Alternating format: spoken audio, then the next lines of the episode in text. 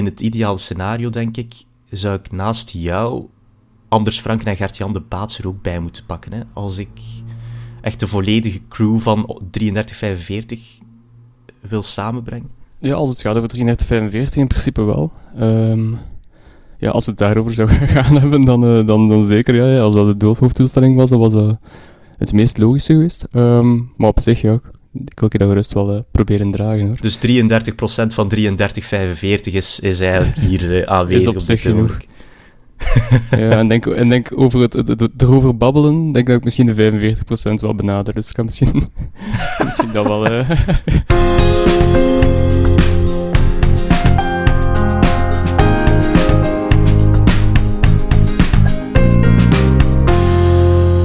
heb altijd een inhoudelijk aspect gedaan. Dus op dat vlak um, concept afgekomen en, en zo wel verder gegaan. En Gert-Jan en, uh, en anders hebben heel erg dat vormelijke voor op zich genomen en dan geweldig goed gedaan. Uh, maar inhoudelijk is het grotendeels van mij gekomen, dus het erover praten zal wel vooral van mijn kant komen, denk ik. Ah, kijk, dat was eigenlijk wel echt de gok die ik had gemaakt uh, vooraleer dat ik uh, u contacteerde. Van, ik, ik wist van, ik wilde een van jullie drie er eens, er eens bijnemen om over het magazine te babbelen. Um, en dan is het, ben jij het geworden. Quentin Cormenier, is het op zijn Frans gezegd? Op zijn Frans, ja ja, op zich maakt dat niet zo geweldig veel uit, maar uh, het is op zijn Frans. Het een Franse voorouders, ja, dat klopt. In ieder geval, een dikke merci uh, dat je erbij wilt zijn bij Onder Vier Oren. Uh, heel tof. Um, podcasts, is dat iets wat jij vaker doet? Of is dit de allereerste keer? vaker doet, veel gezegd. Um, in, in, helemaal in het begin dat ik met mijn gitaar aan het spelen was, had ik nog een, een goede vriend waar we zo een bandje mee vormden, um, tussen aanhalingstekens. Um, en dan deden wij vaker maandelijks een, een radiopodcast met onze lievelingsmuziek dat we gewoon maakten. Allee, ja, dat was gewoon eigenlijk voor, on, grotendeels voor onszelf, voor op de fiets eigenlijk. En dan, we deelden dat dan wel met een tien, twintigtal mensen die dat wel naar luisterden, of actief naar luisterden. Maar we maakten maandelijks zo'n een, een, overview van hetgeen we ontdekt hadden in, in die maand. Um, en dat praten we gewoon aan elkaar. Dat was niet echt een live podcast of een live radioshow, dat was gewoon... Um, aan een afkondigen van nummers tussen, de, tussen geplakt tussen de nummers zelf. Uh, ja, tof om te doen, maar ja, dat is de ervaring met podcasts eigenlijk. en over, over welk jaar spreken we dan? Uh, pop, pop, pop. Ik weet niet, wel, niet extreem lang geleden. Denk ik een jaar of twintig was. 1920, okay. zoiets. Ja, niet extreem lang geleden. Uh, helemaal in het begin, een jaar of 13, 14, denk dat we dat ook wel een keer gedaan hebben met zo wat vrienden uh, van, ah, we gaan een keer een podcast maken. We gaan een keer een radioshow maken. Um, en dat is dan, dat is dan pakweg tweede, derde middelbaar. Dan hebben we dat ook een keer twee keer gedaan. Maar dat is vooral knullen met een, met een computer. Hè. Dat, is, uh, dat is gewoon plezant om te doen.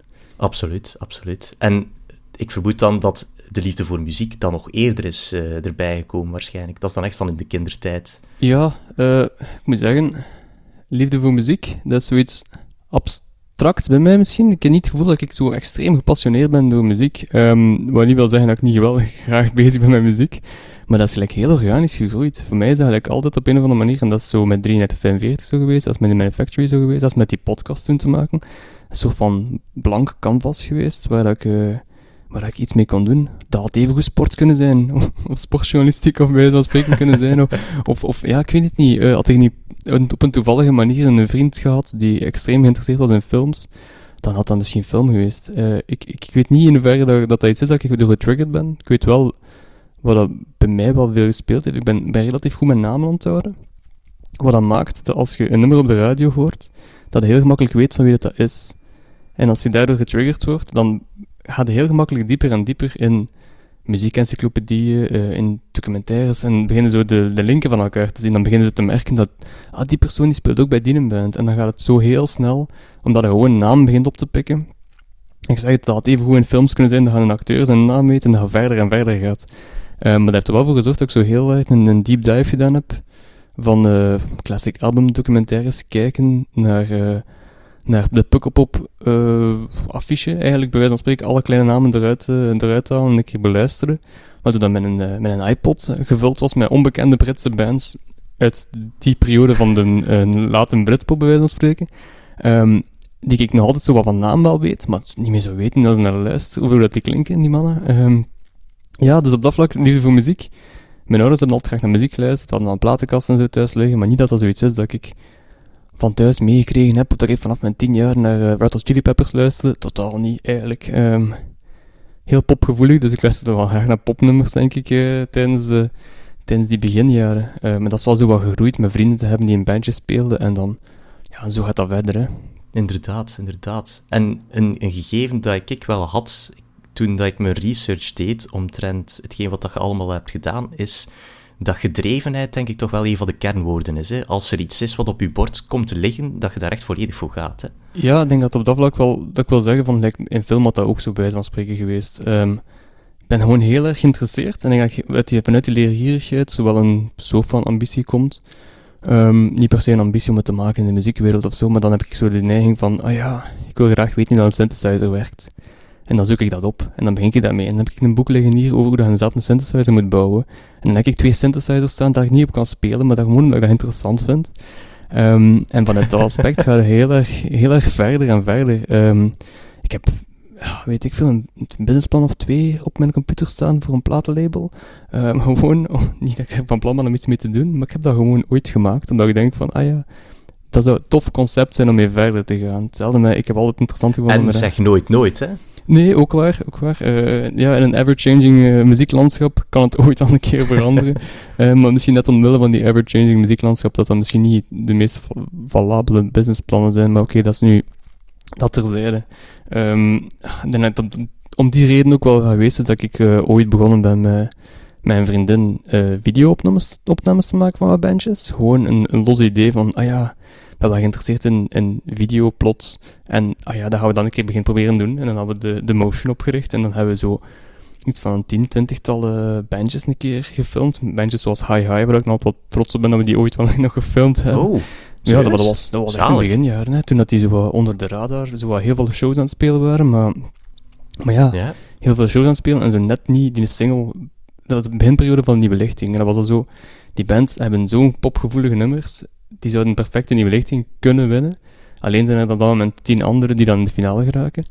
En ik denk dat ze het op die manier wel, wel gedaan hebben, dat ze wel in de nieuwe lichting of in Humus Rock Lady of zo in de finale geraakt zijn en zo opgepikt worden. En zo zijn er veel bands, waarvan ik wel weet, van, ah, die, staan zo, die hebben zo on the verge of gestaan, van die, die konden ooit doorbreken en die konden bij wijze van spreken, oh, ik zeg niet dat die Rockwetter gingen, gingen afsluiten, maar dat die bij wijze van spreken wel op een lokaal festival plots een naam ging worden waar waar je wel geld voor krijgt, waardoor dat, plots een goede vakantiejob wordt of bij van spreken een, een bijjob. Um, en er net niet geraken, of dat is zoiets toevalligs, um, dat scheelt veel. Um, waar was ik over bezig? Ah ja, over hi hi. en, en op de, dezelfde reden dat ik gewoon op een bepaald moment met, naar Gert-Jan gestapt van, uh, ik heb een idee, ik heb een Bahamon-test gelezen, dat is een wielermagazine. Um, ja. En dat was wat idee van, oh, ik zat dat niet mee om wat te maken voor muziek. Heeft een foto's trekken. Hij is juist bijna afgestudeerd als, uh, als grafisch ontwerper en als uh, fotograaf was hij op dat moment vooral voor Anthology, dus in het Gentse muzieklandschap. Um, als dat een keer samen proberen doen. En van dat idee is dat gewoon gekomen. Dan heb ik gewoon wat, wat rondgemaild naar vrienden van mij die zo wel iets journalistiek hadden. Mensen die ik, uh, die niet kende, maar mensen die ik journalistiek kende van bepaalde blogs die een interessante insteek hadden. Gewoon gevraagd, we wilden een keer mee, mee brainstormen over een eerste nummer. Dan heeft dat zo een jaar geduurd, heen, dat dat zo wat een format gekregen. Ik had dat heel snel uitgeschreven van hoe dat, dat concept wel in elkaar zou zitten. Um, en dat is daarvan heel snel gegaan. Net dezelfde reden dat ik zeg van, ja, ik heb een businessplan of twee staan van platenlabels. Iemand dan een klik is, dan kan dat vrij snel gaan. Um, en dan is dat op mijn, op mijn pendelreizen naar, naar Mechelen. Ik, ik uh, een hele conceptlijst uitgeschreven van, van drie potentiële nummers. Nee, vier potentiële nummers. Eén die nog op de wachtlijst staat. Um, en dat zijn letterlijk, dat zijn letterlijk die drie titels geworden en die drie thema's. Ik zeg niet dat de, de artikels toen af waren, hè, dat totaal niet. Um, maar de onderwerpen lagen wel zo pakt een twintig. Het zal onderwerpen die potentieel konden gebruikt worden, waarvan dat we er telkens een zestal gebruikt hebben en dan aangevuld hebben met andere mensen die uh, interessante insteken hadden, uiteraard. Maar de rode lijn, of de rode draad, die lag er altijd. Dus het feit dat je zo zes als zeven artikels had, die vastlagen, maakte ook wel dat je makkelijk kon aanhaken. Het was dan ook wel wat helderder over waar dat dan moest gaan en hoe breed dat kon gaan. Want anders valt het volgens mij heel snel terug in um, een heel gelijkaardige insteek. En dat merk ik bij heel veel uh, dat soort themanummers, dat dat vaak herhaald wordt. Um, en dat was altijd wat het idee van, kijk, we moeten het, moeten het breed trekken. En bedoel je dan eerder van dat je niet de platgetreden paden mocht gaan betreden die al door bijvoorbeeld online muzieksites worden betreed, als in gewoon recensies, impressies, um, ja, interviews? Ik denk op dat vlak uh, dat dat niet per se was dat we vinden de platgetreden paden. Um, ik denk dat het vooral vanuit het medium kwam. We waren op zich niet echt geïnteresseerd om een uh, website op te starten. We waren echt geïnteresseerd in slow media, uh, print. Gert Jammers en fotografie uh, eisen dat ook een, klein beetje. Toch iets meer dan het snellere, snellere scrollwerk. Um, waardoor dat we altijd wel terechtkwamen in we willen iets dieper gaan. Het feit dat ik daar ook een pak meer geïnteresseerd in was om zo wat dieper in artikels te gaan, uh, vond dat ook wel belangrijk. Plus, we gingen echt voor beleving. Dus we hadden ook een, een column erin plaatsen die ging over muziekbeleving. Uh, hoe gaat het naar een concert? Wat is uw impressie van naar een concert gaan? Um, veel minder dan recensies. Uh, ik heb een beetje een, op dat vlak een, een haatliefde verhouding met recensies. Um, dus op dat vlak wou ik, dat ook, ik me daar ook niet aan wagen. Um, ik, ik vind dat een enorme waarde heeft, een recensie. Maar, maar, ik zou heel, heel... Ik zou niet weten dat ik moet beginnen aan een artikel te schrijven over een band van... van ik vind die plaat eigenlijk niet zo goed. En oftewel hadden daar heel academisch in. Oftewel zei iemand gewoon eigenlijk uh, aan het afkraken, kort door de bocht. En, en zo wordt het vaak gedaan, wat, op zich niet erg is en dat heeft zijn waarde op zich wel. Um, maar dat is nog altijd iemand in een band die dan toch de kans gekregen heeft om een plaat te maken. En die vond het dan op een bepaald moment goed. En een, een geweldig goede plaat die ik geweldig goed zou vinden, zou er iemand anders misschien slecht bevonden worden. Ik vind het heel moeilijk om daar een, een 2 op 5 of een 1 op 5 op te geven. Gewoon om, omdat ik het op dat moment eigenlijk niet plezant genoeg vond om naar te luisteren. Um, ik heb zoveel platen liggen in mijn platenkast die ik super graag naar luister, die ik op een ander moment van mijn leven een 1 op 5 zou geven. Um, of die ik de eerste keer beluisteren in 1 op 5 geef en dan later wordt dat een van mijn favoriete platen. Sommige dingen hebben gewoon iets meer tijd nodig, iets meer context nodig. Um, ja, ik, ik, merk dat ook wel als je ouder wordt in muziek, in dat geval. De bands die je leert her, herontdekken. gewoon omdat een hans andere context is waarin dat je je bevindt. Ik begin plots naar teksten te luisteren. Nooit naar teksten geluisterd. Ik begin plots naar te luisteren. Dat is een klik geweest. Ah, jij zit al in die fase dat je naar teksten luistert. Ah, ik ben nog niet in die fase, maar heel blij om te zien dat dat kan evolueren. Ja, ik ben er net, ben er net geraakt. Het is heel grappig. Ik weet niet, misschien ligt het aan het feit dat de, pop, dat Nederlandstalige muziek iets meer uh, credibility aan het krijgen is. Bij Nederlandstalige muziek is het ook ah, evident om naar teksten te luisteren. Maar daardoor voilà. begin ik plots te merken dat, dat ik naar hip-hop nummers luister en de tekst hoor. Of, of, of gewoon uh, simpele, simpele nummers plots wel de juiste woorden meezingen. In plaats van zoiets dat gebrabbeld is, dat wel ongeveer als een oogklank klinkt. Um, nee, maar dat, dat is dan... Ik denk dat op dat vlak recensies zoiets is dat... Ik kwam me daar niet aan wagen. Dat was, dat was het vooral. Um, dat had ook geen plaats in een printmagazine, waar daar ons oogpunt vooral iets was dat eigenlijk... Je zou ons magazine nu kunnen kopen. Kijk, dat zijn referenties naar, naar bands die, die toen populairder waren en die misschien relevantie hadden. Um, maar tegelijkertijd zou het als een soort van naslegwerk altijd moeten kunnen blijven, blijven dienen.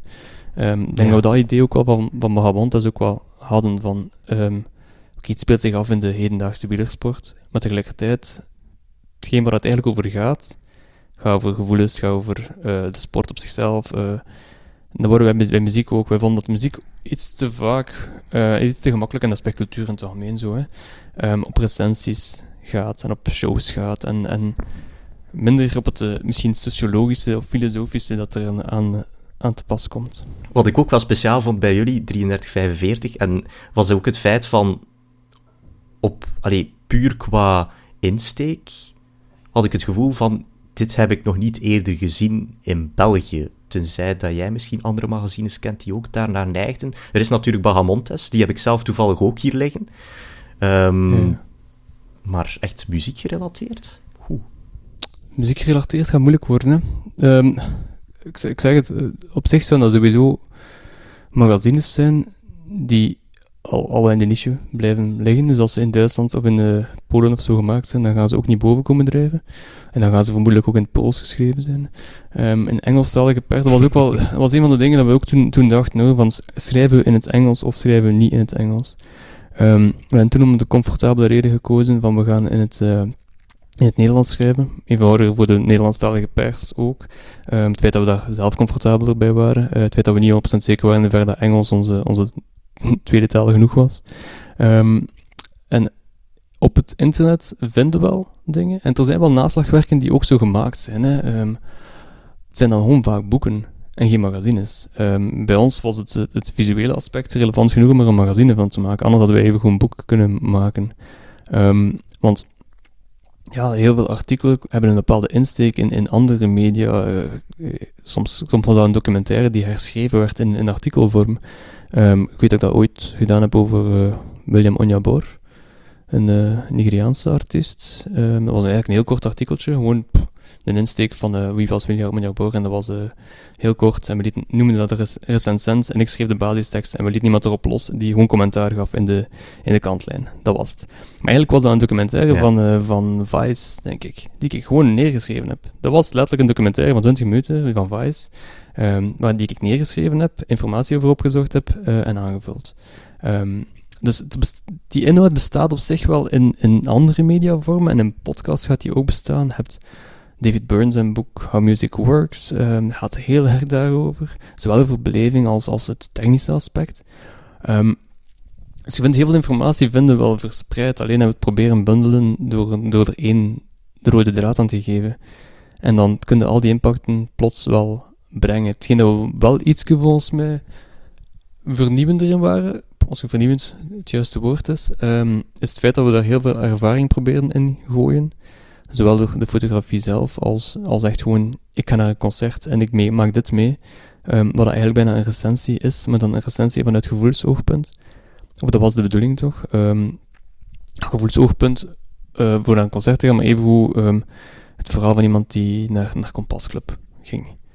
of naar een festival gaat. Of, en, en dat, zijn foto's die, die Gert-Jan heeft ooit een fotoreeks gemaakt over de, de beginuren op een festival, als de zon nog, als de zon nog hard schijnt, waar de mensen net gewekt worden uit de tent, maar dat er op de festivalweide wel, wel al iets gebeurt. Um, en dat is dat was zo herkenbaar voor mij. Gewoon, die heeft die foto's gemaakt en dat is zo herkenbaar, die beelden. Je ziet geen enkele band, je hoort niks. Um, maar, maar je ziet die foto's en je denkt, ja, dat is een festival bij om 11 uur of om 11 uur 30, waarin dat juist uh, binnenkomt. Ik heb, de, ik heb de gewoonte om soms een keer alleen naar een festival te gaan en de drie dagen pukkelpop uit mijn tent te strompelen en mijn, mijn espresso te gaan halen op het festivalweide, terwijl dat er nog niks open is, of nog geen enkel optreden is. Um, dat is dat beeld. En dan, uh, dan is dat iets dat, dat je bijblijft. En is dat, is dat muziek? Ja, dat is muziekcultuur. Um, maar dat, was het punt wel een beetje bij, bij 3345, denk ik. Het is een muziekmagazine... Vanuit een hoek die niet zo vaak belicht wordt uiteindelijk. Ja, het is een muziekmagazine dat eigenlijk niet over muziek had moeten geschreven worden. Dat had over iets anders kunnen gaan ook. Um, en, en ik denk dat heel veel recensies en, en ja, iets, iets aan de, de bestaande magazines vaak echt heel erg vertrekken vanuit muziek. Um, vanuit bands, vanuit labels, vanuit uh, shows die komen, um, recensies over nieuwe platen, um, of, of langs de andere kant dan een nieuwe gitaar of een nieuwe, nieuwe drumtoestellen, uh, PA-systemen, de, de technische magazines dan. Dat is dan eerder die kant. Want die, heb, die magazines hebben ook en die worden soms ook wel onderbelicht. Of die, bestaan, die bestaan er ook. Um, dat is een heel andere kant van de muziekwereld, die wij eigenlijk zelfs niet zo heel veel um, betrokken hebben, omdat we daar minder van kenden. Maar we hebben ook artikels proberen maken over uh, een lichtstechnicus of een geluidstechnicus. Maar dan vanuit die persoon. En vanuit, wat, is dat voor u, een geluidstechnicus zijn? Ik, ik zelf kende enkel naast 3345 Riffraff. Um, dat was echt het enige.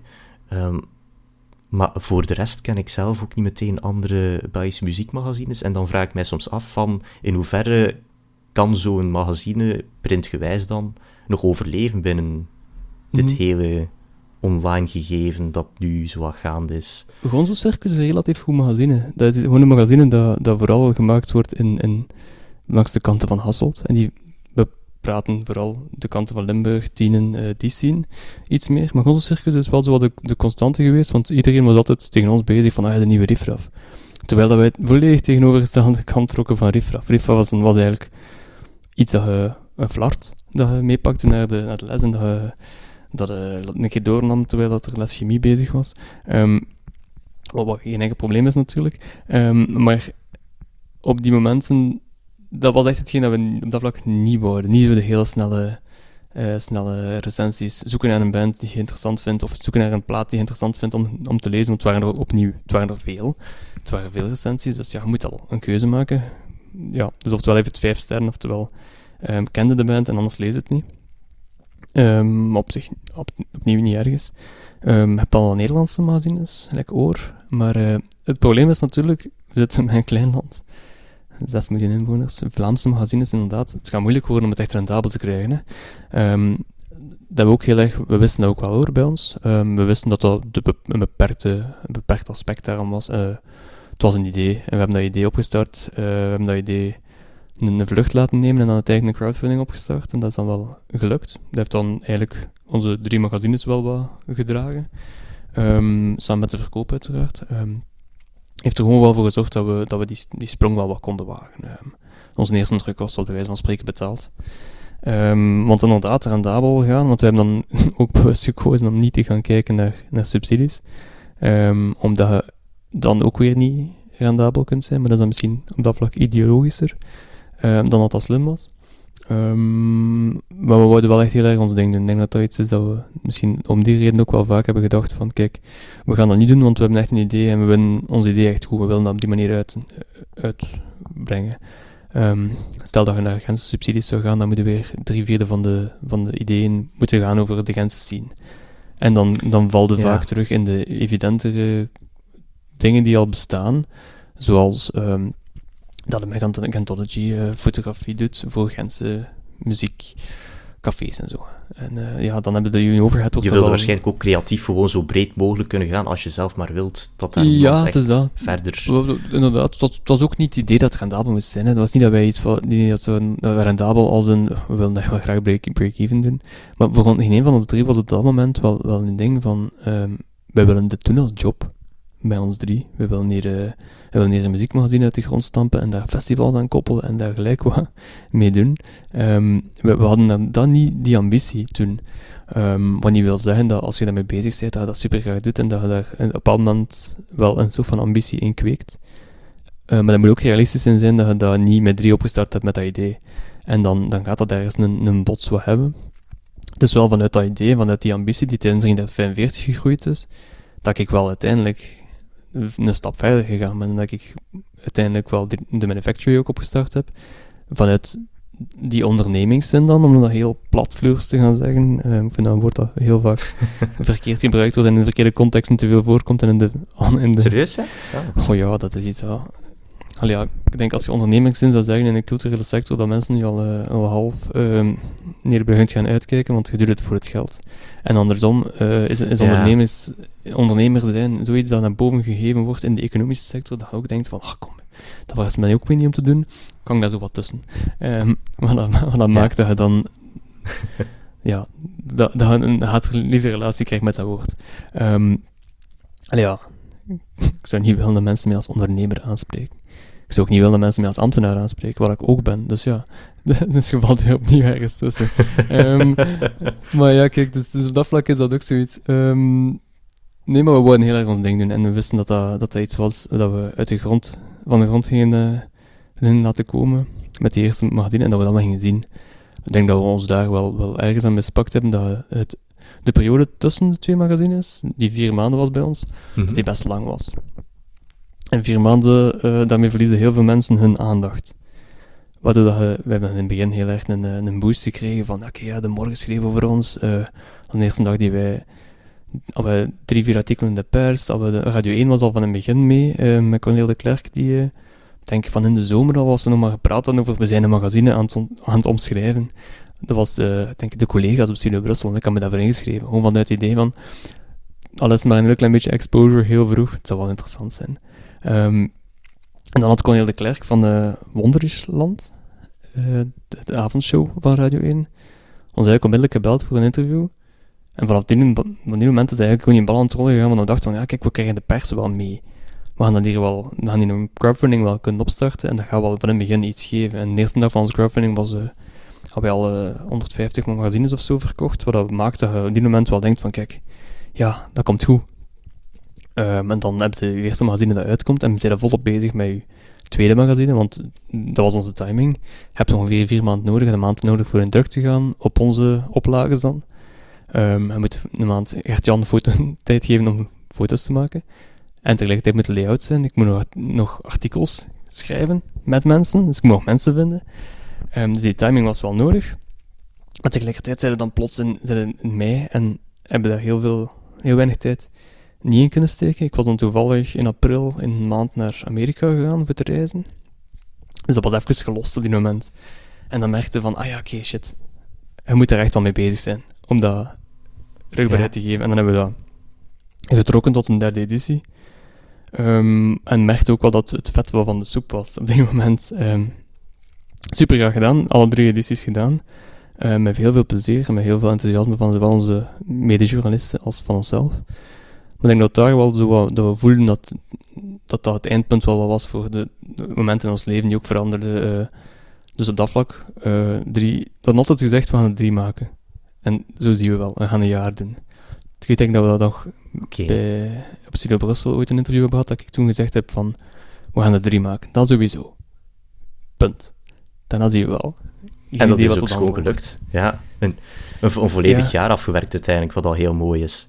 Wat ik mij nu afvroeg, wat dat je daar ook eerder zei, van uiteindelijk heeft het denk ik een jaar of zo geduurd vooraleer dat je van bij het idee kwam tot bij de publicatie van de eerste editie, misschien zelfs nog iets langer. Ja, waarschijnlijk denk ik wel langer. Ja, van het eerste idee zal wel, moeilijk, zal wel langer geweest zijn, denk ik. Maar ja, dat is het echt het, het heel ja. vage eerste moment. Hè, ja. ja, wat, wat waren zo de moeilijkste obstakels gedurende die hele fase?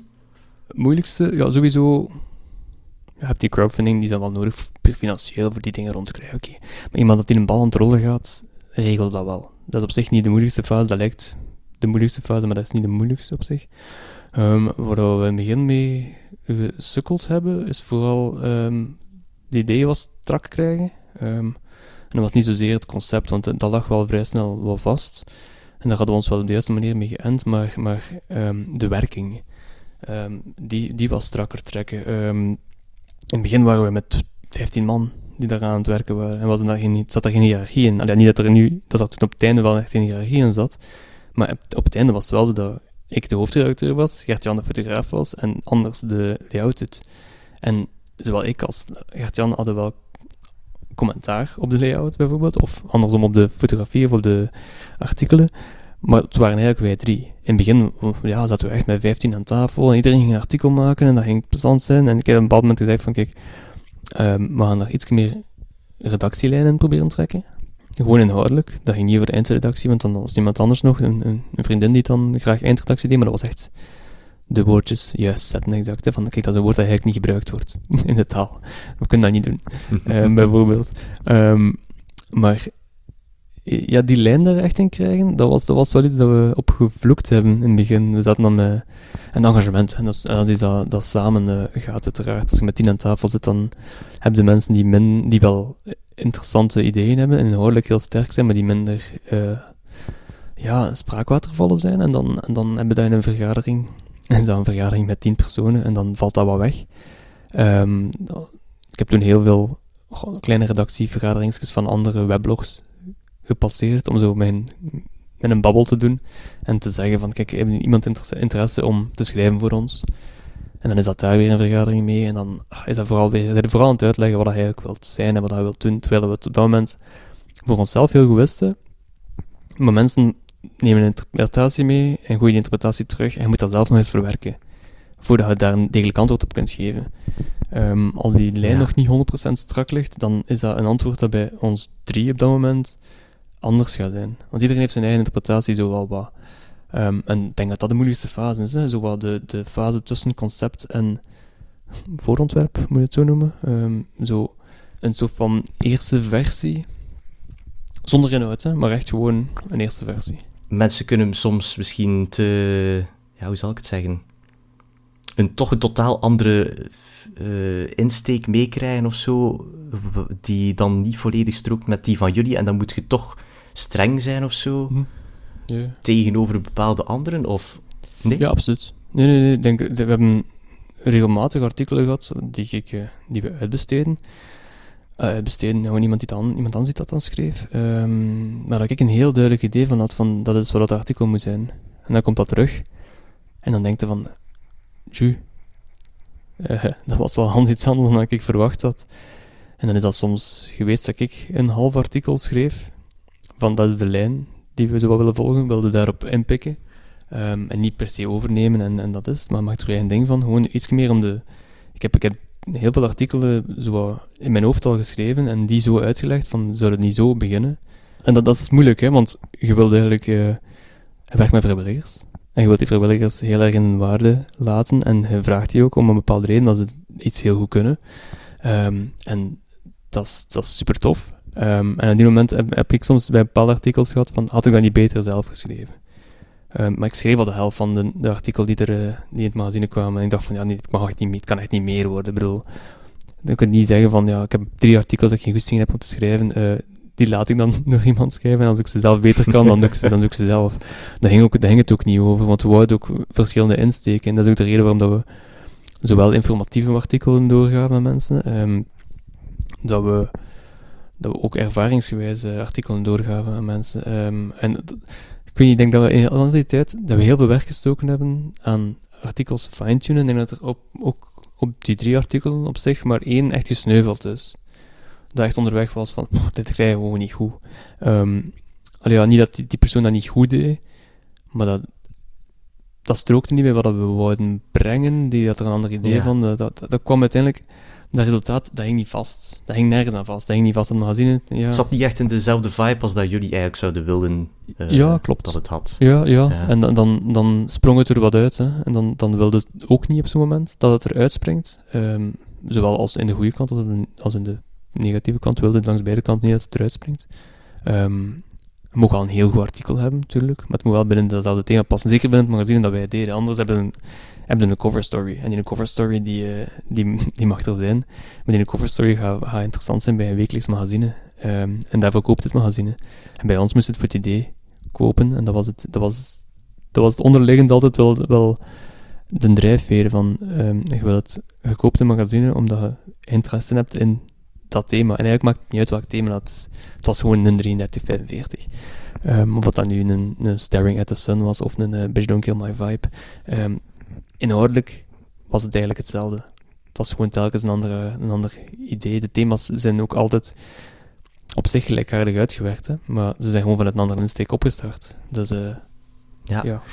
Wat ik mij dan afvraag, in hoeverre kunnen mensen daar dan soms mee omgaan? Want zoals gezegd, als dan bijvoorbeeld een stuk toch, ook al is het dan fantastisch geschreven en dergelijke, als het dan toch niet bij, binnen het thema past, of binnen de vibe past van mhm. jouw magazine, kan ik me voorstellen dat dat niet altijd makkelijk is om, om over te brengen en vooral ook te ontvangen als, als schrijver zijnde. Ja, klopt. Um, op zich denk dat er wel meeviel. Ik zei het, we hebben maar één keer gehad. Hè. Um, en die ene keer um, hebben we echt heel lang geprobeerd en hebben we echt op een bepaald moment beide wel geconcludeerd van dat, dat er ergens iets niet klopt. ik had daar evenveel tijd in willen steken, moest dat wel ergens tot, uit, tot bij tot draaien uiteindelijk, dan gingen we daar, gingen we daar tijd in gestoken hebben.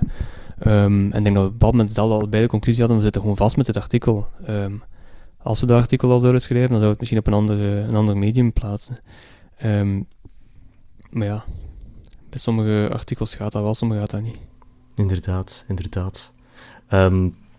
Drie magazines, drie edities. Ik heb ze hier alle drie liggen. Ik vind het, dit is nu de eerste keer, denk ik, in heel de podcast dat ik het spijtig vind dat er eigenlijk geen camera of video bij, hoort. Maar um, welke van de drie? Ik, heb, ja, ik ga ze gewoon voor mijn webcam tonen. Het is nog altijd digitaal, dus mensen weten dat wel. Um, hops. Um, op welke van de drie ben je het meest trots toevallig? Oh, het meest trots, denk puur als je alle artikelen optelt en het beste resultaat, denk ik editie 2. Uh, op meest trots op editie 1, omdat dat eerst is uitgekomen. En, en editie 3 vonden we gewoon al, alle drie wel, echt een heel tof om te maken. Daar hebben we, daar echt, daar hebben we echt in uitgeleefd. Um, dus op dat vlak denk, dat, denk dat, we, dat we daar wel echt unaniem in zijn, dat we die alle drie gewoon heel graag hebben gemaakt. En heel, het, meest trots zijn dan op de eerste. Hè. Gewoon omdat het de eerste is. Um, ten tweede is dat gewoon echt, die zat strak. Die zat, dat idee zat toen strak. Um, we wisten dat ook alle drie wel, van kijk, je zit nog aan het zoeken in de eerste. Um, maar in een tweede, ja, ik weet niet, de puzzelstukjes vielen wat meer in elkaar. Um, bepaalde artikelen die, die vanuit echt een goede insteek wel kwamen, die, die ook echt... Ik weet dat ik dat panelgesprek twee keer heel graag gedaan heb. En dat zo ja, een panelgesprek met, met drie, drie of vier mensen met verschillende input die we bij elkaar geplaatst hebben. Over één mhm. thema. Bij de tweede editie was dat Busy Don't Kill My Vibe, dat thema. Uh, heel erg gegaan over ritme en drummers. En dat was zo'n tof gesprek om te doen. Ik denk dat dat gewoon het, het, summum was van, van... We hebben dat eerst, die tweede editie, zo goed gemaakt. Dat dat wel klopte. Dat was echt iemand, een, een koordirigent, een, een, een jazzdrummer, een, iemand die met tape loops werkte. En, en dat, werkte, dat werkte wel. Um, gewoon dat gesprek, dat was een open gesprek met, met een heel geïnteresseerde koordirigent die echt in die klassieke wereld zat, die dat ook heel erg besefte van ik, ik denk echt in hokjes, ik denk in een klassieke wereld. Um, met mijn koor en met mijn... Uh, ja, met mijn partituren en hoe dat, dat werkt. En wij alle, allemaal zo wat, wij weten eigenlijk niet zo heel goed hoe dat, dat werkt, een dirigent zijn. Um, niemand kende dat echt goed. Van oké, ja, dat die heel erg de maat bepaalt en dat die maat continu verandert. Dat hij eigenlijk bepaalt hoe dat, dat ritme zit in, in, in heel dat stuk. Ja, wij wisten dat niet zo heel goed. Dat met iemand die echt gewoon een, een beatstructuur zet. En dat is dat 120 bpm, that's it, voor heel dat nummer. Hè. Um, dat, dat is heel simpel. bij jazz is dat, nog iets, is dat iets ruimer al, maar bij, bij die dirigent is dat één iemand die dat gewoon heel dat, heel dat koor meetrekt. Um, en dat was een super interessant gesprek. Um, en dat panelgesprek bij de eerste editie, ik weet dat niet meer echt goed voor wat het gaat. Dat, dat was echt toch dat was wat meer zoeken, denk ik. dat was heel tof om te doen, maar dat heeft ook veel langer geduurd. Um, en veel meer informatie, veel meer vragen gesteld dan dat je eigenlijk zou moeten, zou moeten vragen in zo'n, uh, in zo'n panelgesprek. Want eigenlijk, we hebben daar ook wel nog over nagedacht. Van sommige artikelen uh, konden ook wel andere media komen. En dat kon ook nog een podcast zijn, dat panelgesprek. Maar dan had dat gewoon strakker moeten gedirigeerd worden en dan had dat anders moeten uitgewerkt worden. We hebben, een, we hebben ook wel nog bepaalde artikelen nog echt uitgewerkt als andere media. Zeker voor editie 1 ja. hebben we daar bepaalde video's nog voor gemaakt.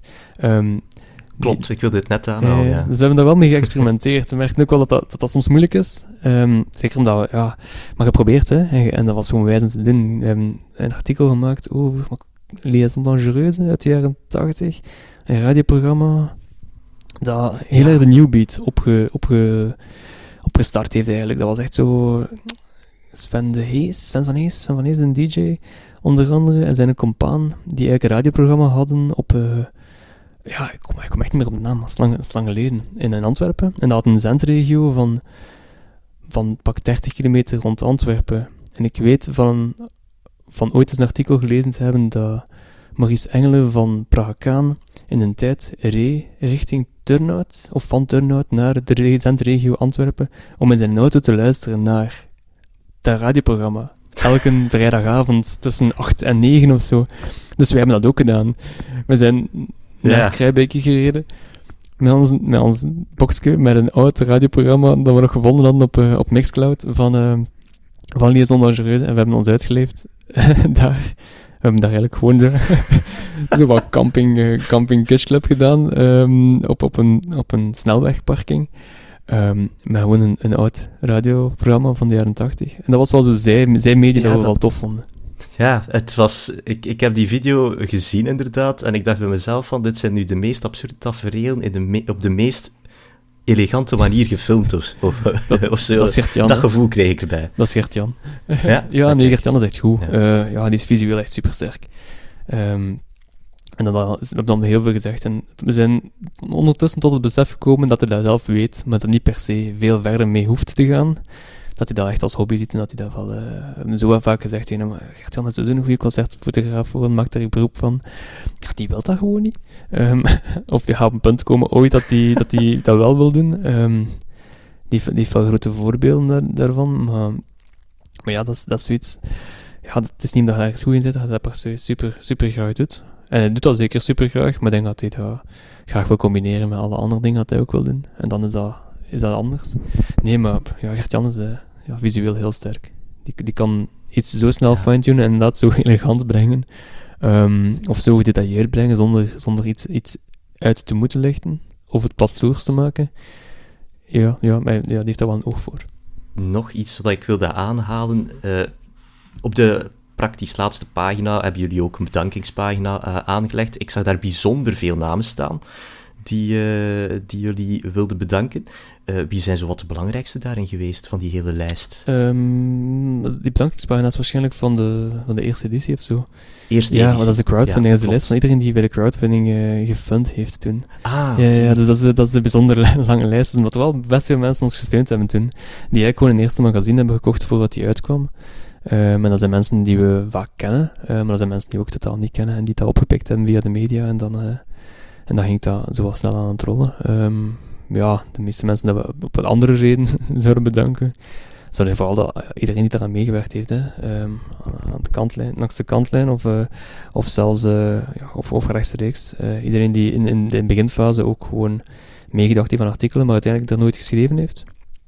Of mensen die, die mensen hebben aangebracht die artikelen konden of wouden schrijven.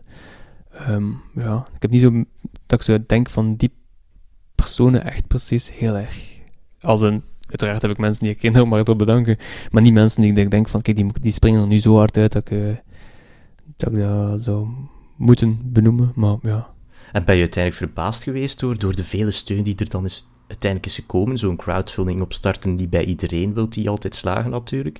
Bij jullie was dat, denk ik, redelijk snel toch gehaald. Wij hadden relatief snel um, een, een, hoog percentage. En dat wisten we ook al, we hadden ook wel wat afspraken gemaakt met, uh, ja, afspraken gemaakt met uh, het crowdfunding platform, Ululi, dat we toen mee samenwerkten. We hadden wel echt persoonlijk contact mee. Um, ze hadden ook wel gezegd van, kijk, hij zit snel aan 75%. Het zijn die laatste 25% waarin dat iedereen denkt dat het gaat lukken die nog moeilijk te dichten zijn. Ah, Ofwel ja. een crowdfunding die echt niet slaagt, omdat je ook er heel weinig werk in kunt steken of, of heel weinig uh, tijd in die marketing kunt steken. Um, maar tegelijkertijd, we hebben, we hebben heel snel een, een, een, een opstart, um, hoe noem het, een, een optreden georganiseerd in de Kinky Star toen nog.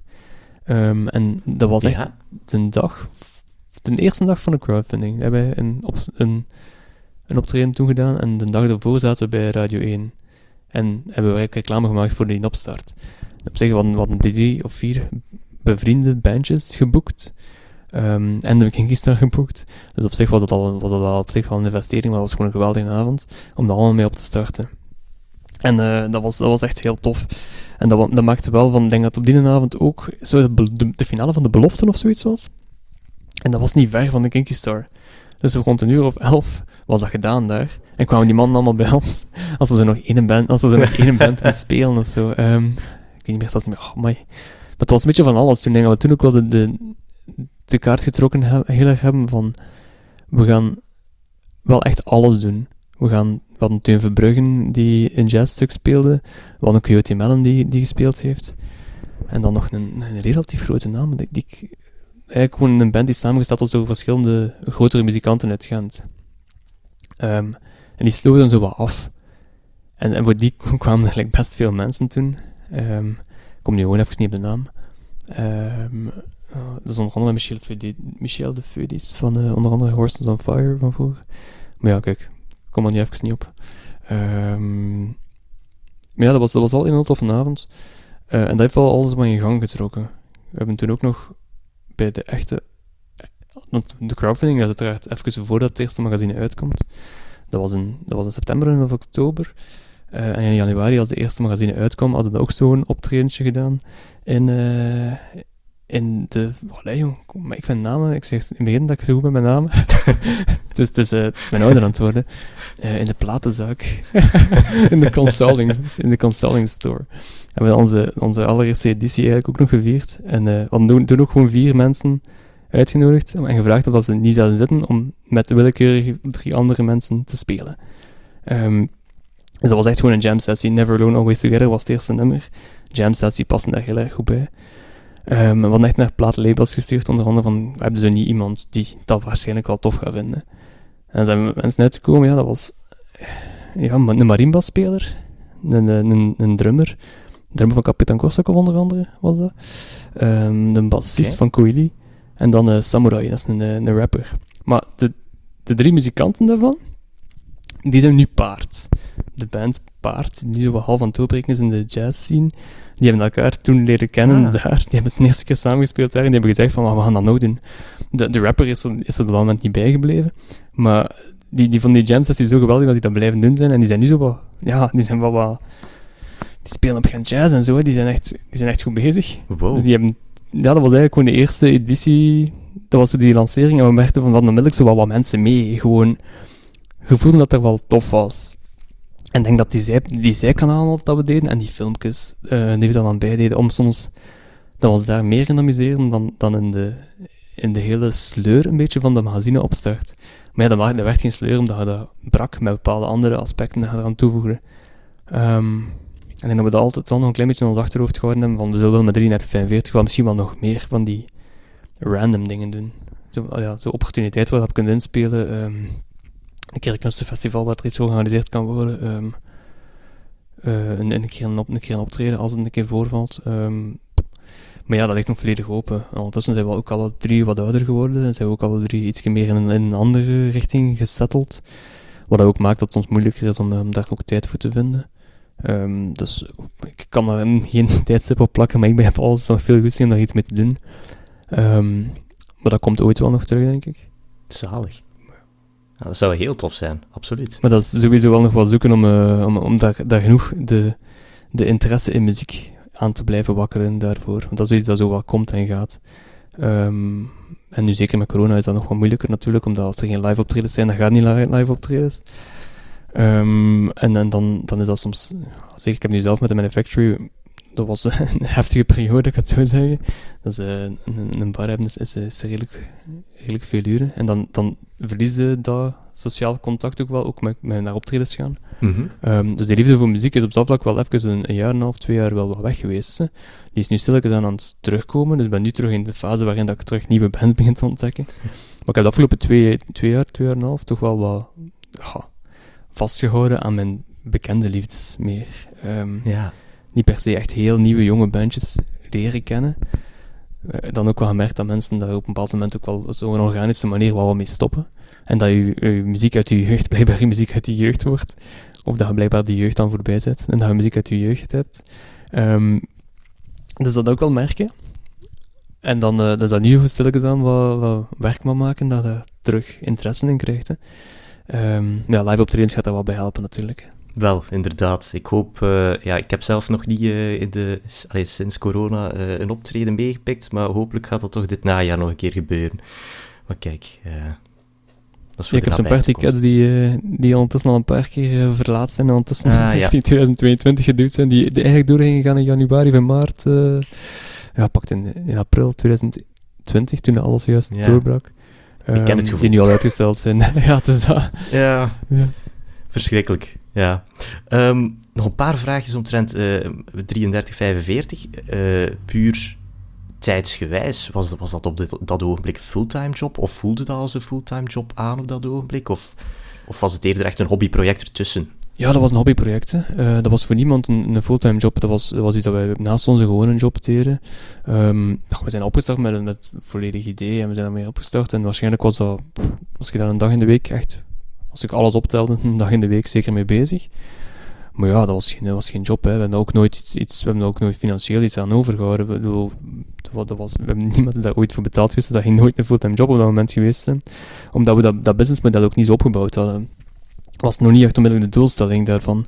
Um, dus, dus nee, dat, was niet. Uh, de bedoeling was natuurlijk op lange termijn wel dat je kon, dat je kon nadenken over mensen daarin betalen. En, ik zei het opnieuw, je hebt dan al wat business, businessplan dat dan wel even liggen van kijk, hoe kunnen we dat naar een nieuw niveau ankeren. En dan wel gesprekken nog gehad omwille van subsidies en dat soort dingen. Maar dan zo wat, ja, daar is het altijd zo wat gaan varen van willen we een andere richting gaan uitduwen om die richting dan weer, om dat te, kun, te kunnen garanderen? Of hebben we eigenlijk ons concept geplaatst dat we het wouden plaatsen. En is het dat ook. En we hebben dan ook moeten concluderen dat, we, dat, we, dat ons concept gewoon zoiets is. Dat een concept is, dat neergezet is, dat niet per se rendabel is, maar dat wel ons concept was. Dat is al echt 100% iets geweest dat wij, dat wij wouden maken. En tot de laatste editie is dat ook zo geweest en we hebben nooit... Um, financieel is dat gewoon op basis van die crowdfunding en de, en de, de verkoop is dat wel gelukt. Maar is dat net gelukt om dat break-even te laten draaien zonder al te veel onkosten te hebben? Dat was voornamelijk de druk en de distributie en dat, dat was het een beetje. Drie edities zijn nu al achter de rug, na een heel tof 2018, denk ik zo. Um, wat zijn zo de belangrijkste dingen die je eruit hebt geleerd? En als, stel dat er ook nog andere mensen zijn die, die magazines, muziekmagazines dan in het bijzonder in print willen uitbrengen, wat voor tips zou je die mensen kunnen meegeven? Dat is een moeilijke, hè? Want op zich is dat iets dat wel losloopt. Een, een, een print, iemand die wil printen zoeken, dat, dat lukt allemaal wel. In de tweede editie is zelfs, is zelfs gesponsord geweest van papier.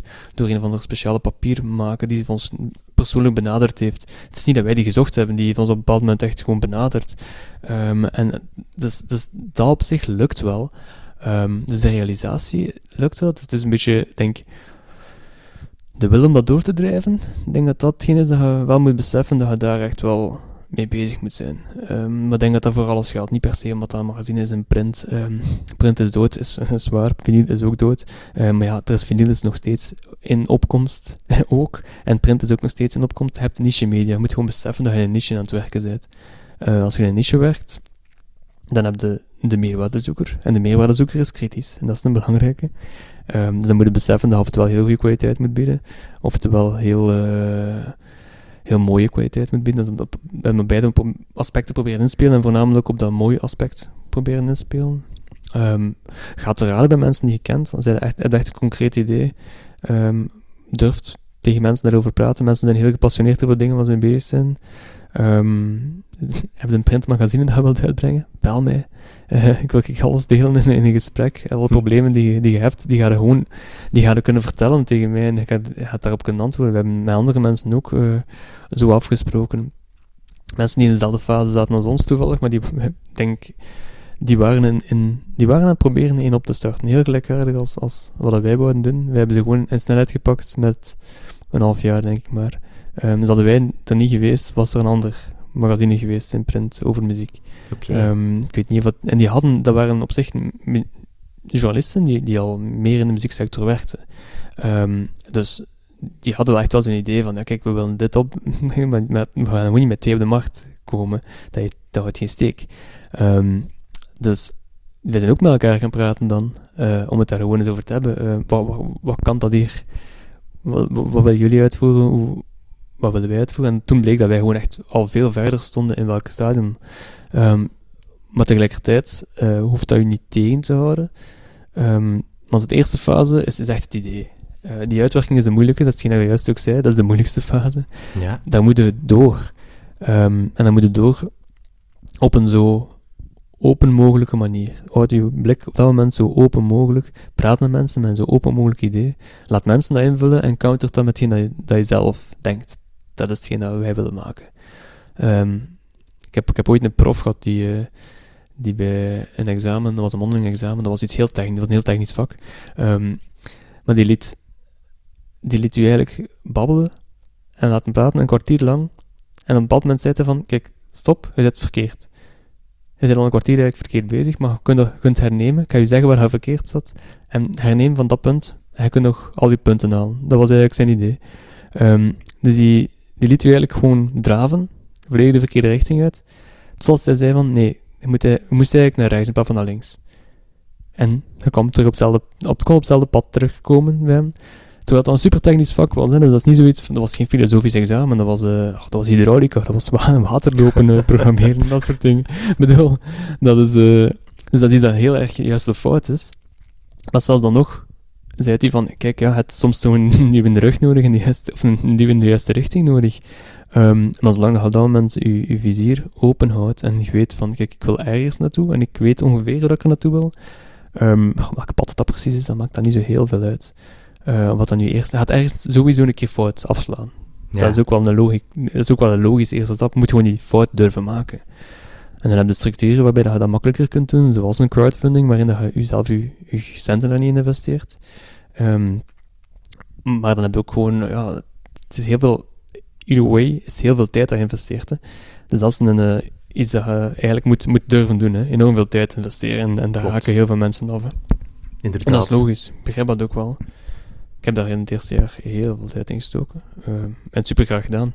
Dat was voor mij niet, dat was voor mij een hobby. Dat was een wekelijkse hobby dat ik deed. Um, je moet het wel zeker in het begin zo zien. Als je echt met het idee hebt van ik wil een businessplan opstarten in de muzieksector en het moet geen hobby zijn, ik denk dat het zo, zo moeilijk is. Ik denk dat de meeste plaatlabels beginnen met een of een vriendenband dat ze beginnen managen zijn. Ehm, dat, dat, dat groeit vanuit niks van rendabiliteit ehm, en, en niks van slagkans eigenlijk. Plots hebben we een opportuniteit, is dat gewoon net een chance dat je kunt hebben.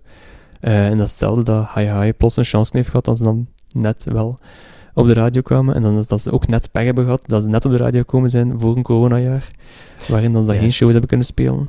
Hetzelfde verhaal. Ik heb er heel, heel vaak al over nagedacht, dat ik, dat ik weet dat in begin van die lente, dat ik plots de hi-hi op de radio hoorde, in, in vol airplay als de Brussel, en dacht van, shit, nu zijn ze geraakt en ze kunnen geen shows maken. Ze kunnen geen show spelen en bij gevolg kunnen ze niet eigenlijk even cashen wat je op die moment nodig hebt om een tweede album te maken of een, nieuw album te maken. Maar je hebt even gewoon die, uh, die optredens nodig. Um, en ja, dat, dat, is ook een besef hè, dat je moet kunnen hebben. Hetzelfde verhaal dat als, uh, als jonge band een heel goede debuutplaat kunt maken. Um, een, een, tweede plaat maken die wel oké is. En een derde plaat maken die wel oké is. Maar ja, de, mensen zijn nu vergeten. Hè. Um, en dan terugkomen is soms heel moeilijk. Hè. Die, die consistentie is ook zoiets. Hè. Zeker in, in, in een muzieklandschap dat zoiets zo teert op nieuwe jonge bands en nieuwe jonge muziek. Um, met influencers langs alle kanten. Um, ja, je kunt, je kunt over, overblazen worden. Ik weet dat Drake die heeft heel lang gedaan om zijn eerste nummer 1 hit, hit, in Amerika te hebben. Ik denk dat hij op een bepaald moment dacht van, nu heb ik hem zeker binnen. Dat was mijn hotline, hot, hotline Bling, die, was, die kwam toen uit. En uh, heel erg getimed van de platenmaatschappij. ik denk dat dat was, dat ergens 2018 of zo. Um, het was niet, vast vroeger. Ja, ik denk um, niet op zich niet uit. Ja, um, ja, maar pak niet 2015. En op dat moment de zondag komt dat uit. De Billboard charts beginnen te tellen vanaf de maandag. En de zondag sluit niet af. En op woensdag begint hij een voorsprong te hebben en denkt hij van, ja, shit, dit gaat binnen zijn. Ik ga mijn eerste nummer 1 hebben, die zat ver voor al de rest. En op woensdag dropt Adele Hello. En dan is gewoon alle charts volledig weggeblazen. En die is, die is op 2 geëindigd. En Hello van Adele zat op nummer 1. Dus je kunt soms gewoon pech hebben. Niet dat, niet dat Drake heeft gewoon super lang gewacht tot God's Plan, denk ik, met zijn, uh, met zijn eerste nummer 1 hit. maar ja, hij is er wel geraakt. Maar als je op die moment een jonge artiest bent en je, hebt net die chance niet dat je dan ja, ergens wel of niet geraakt, dan, ja, dan kan dat je, je carrière maken of falen. Dus dat is hetzelfde verhaal. Je moet je een gok durven wagen. Hè. In de muzieksector zeker. In de cultuursector in het algemeen moet je die gok durven wagen. Inderdaad. En dan is waarschijnlijk enige consistentie daarin ook wel cruciaal. Hè. In jullie geval was dat nu met het magazine eens om de vier maanden. Um, maar dat is op zich nog, denk ik, best lang. Maar mm-hmm. misschien mede doordat het een magazine was dat dan echt was gericht naar een bepaald nichepubliek, dat dat dan ook wel een trouwer publiek was of zo. Uh, ik, ik had het gevoel, bijvoorbeeld, toen, toen nee, ik het kocht, had ik meteen het gevoel van, oké, ik wil hier wel bij blijven plakken. Gewoon omdat het ook al aanvoelt als echte collectors items en dingen. Ja, dus ik, ben, ik ben een sucker voor collectors items, dat sowieso. Dus, en ik denk dat veel hmm. mensen die binnen, diezelfde, binnen hetzelfde publiek zitten, dat zij dat ook wel zo voelen. Ja, ja, zeker. Maar ik denk dat dat ook, dat was 100% wat hetgeen dat we naartoe mikten hoor. En we gingen er eigenlijk nog veel verder in gaan. Nog veel meer een, een collectors item van maken. Ons eerste idee ging echt naar, naar een cover die echt bijna een half kunstwerk was, die bijna uniek was per cover. Um, um, dat, maar dat ging echt toen de prijs enorm hard opgetrokken worden. En dan op een bepaald moment een gesprek had met, Pop, met Poppunt. En die zeiden oftewel, ga echt heel ver en maakt er zo hard een collectors item van dat het bijna het waard is om er bij wijze van spreken 50, 60 euro voor te betalen. uh, oftewel, houd het wat rustiger en ga naar richting de 15 à 10 euro. Um, wat dan nog net betaalbaar is, uh, de prijs van een cd. Um, toen in die tijd uh, zowel ons mikpunt van een collector die, die, die betaalt voor een cd. Dus die prijszetting was, was wel, was, had dat idee daar ook wel een beetje in mee. We wisten van we zijn om de vier maanden, maar we brengen iets kwalitatievers. Dus het moet ook geen 5 euro zijn zoals een, een Humo is.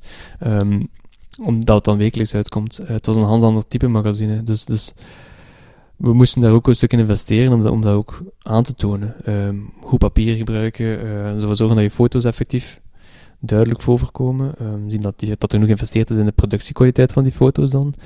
Um, ja, dus, dus al die aspecten moesten wel, moesten wel juist zitten. Want ook wel andere magazines dan ons op baseren natuurlijk, die, die ook die richting uitgingen. Zoals een, een Scandinavische kindvolk, die heel, heel puur, heel uitgelijnd, werkte wel wel iets is wat anders uh, in geïnteresseerd is. En dat werkte ook wel voor onze, voor onze content, omdat je daar iets meer uh, ruimte aan kon en moest geven. Dat niet gewerkt, moesten wij daar een heel druk magazine van gemaakt hebben. Ja. Terwijl dat visueel ook super cool kan, kan zijn. Um, maar dat heeft altijd niet gewerkt voor hetgeen dat enerzijds de rust die Gert Jansen foto's uitstralen, want dat zijn vaak niet de meest dynamische foto's. Er zit wel iets van dynamiek in, maar het zijn, niet, het zijn geen flitsende foto's. Um, dat zijn stijl ook gewoon niet, dus je moet, en dat is bij mijn schrijfstijl ook absoluut niet. Um, dus, dus je weet dan wel dat je naar een slow media gaat, waar je eigenlijk echt het, gevoel moet hebben dat je even stilstaat bij een artikel. Het was ook niet ons idee van lees het artikel, lees het magazine uit op een avond. Dat was niet het ding.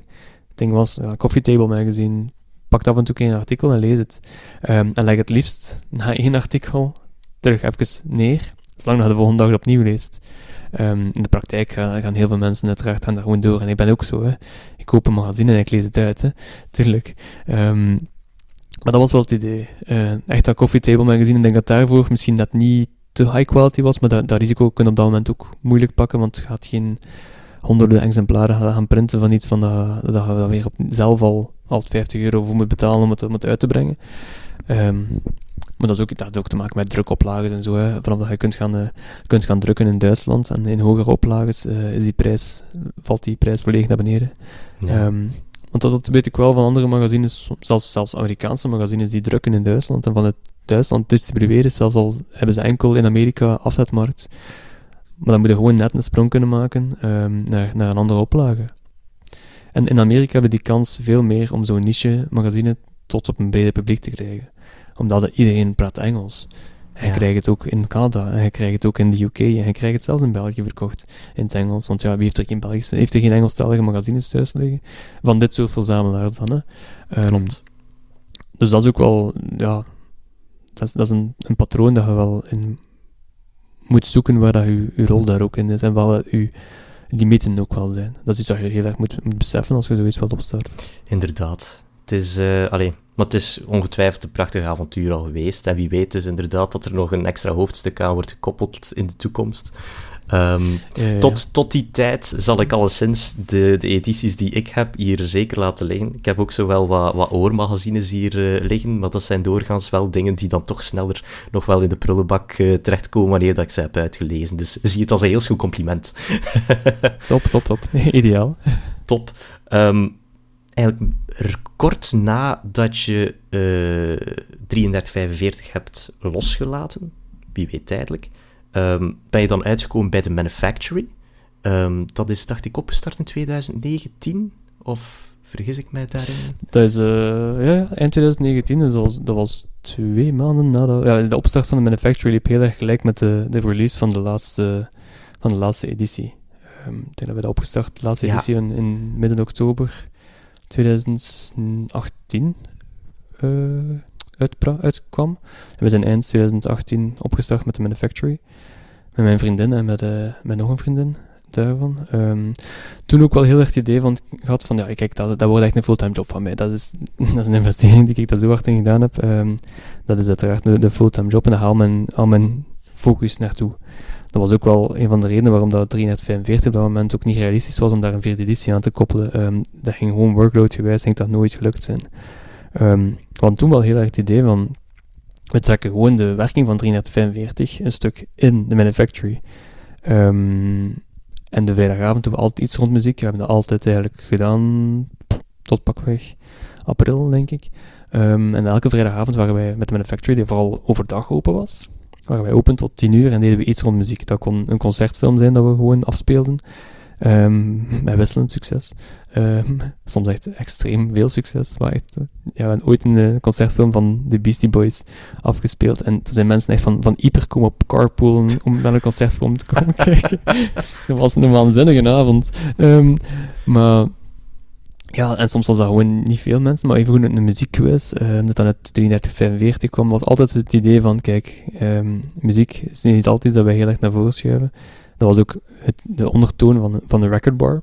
Dat idee kwam ook van, van een idee dat ik had uitgewerkt als ik naar Amerika op reis was, in april datzelfde jaar. Ja. Um, en mijn initiële idee was ook gewoon een record bar dat ondertoon. Dat was toen nog de werknaam On Air.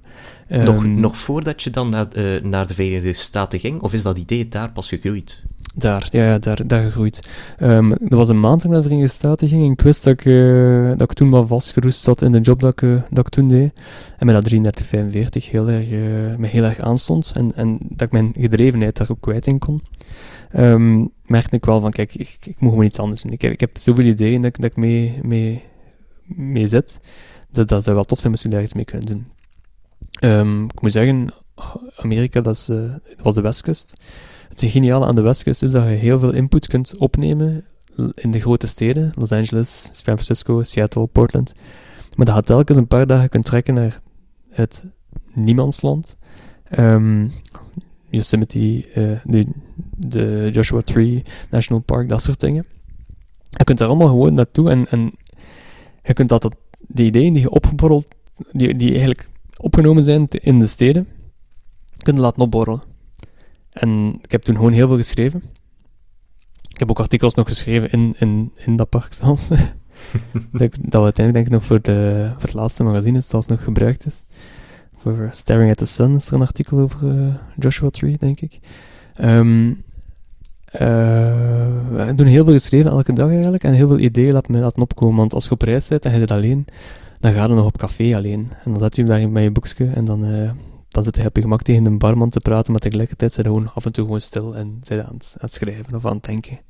Ehm, en dan is dat idee eigenlijk wel gegroeid.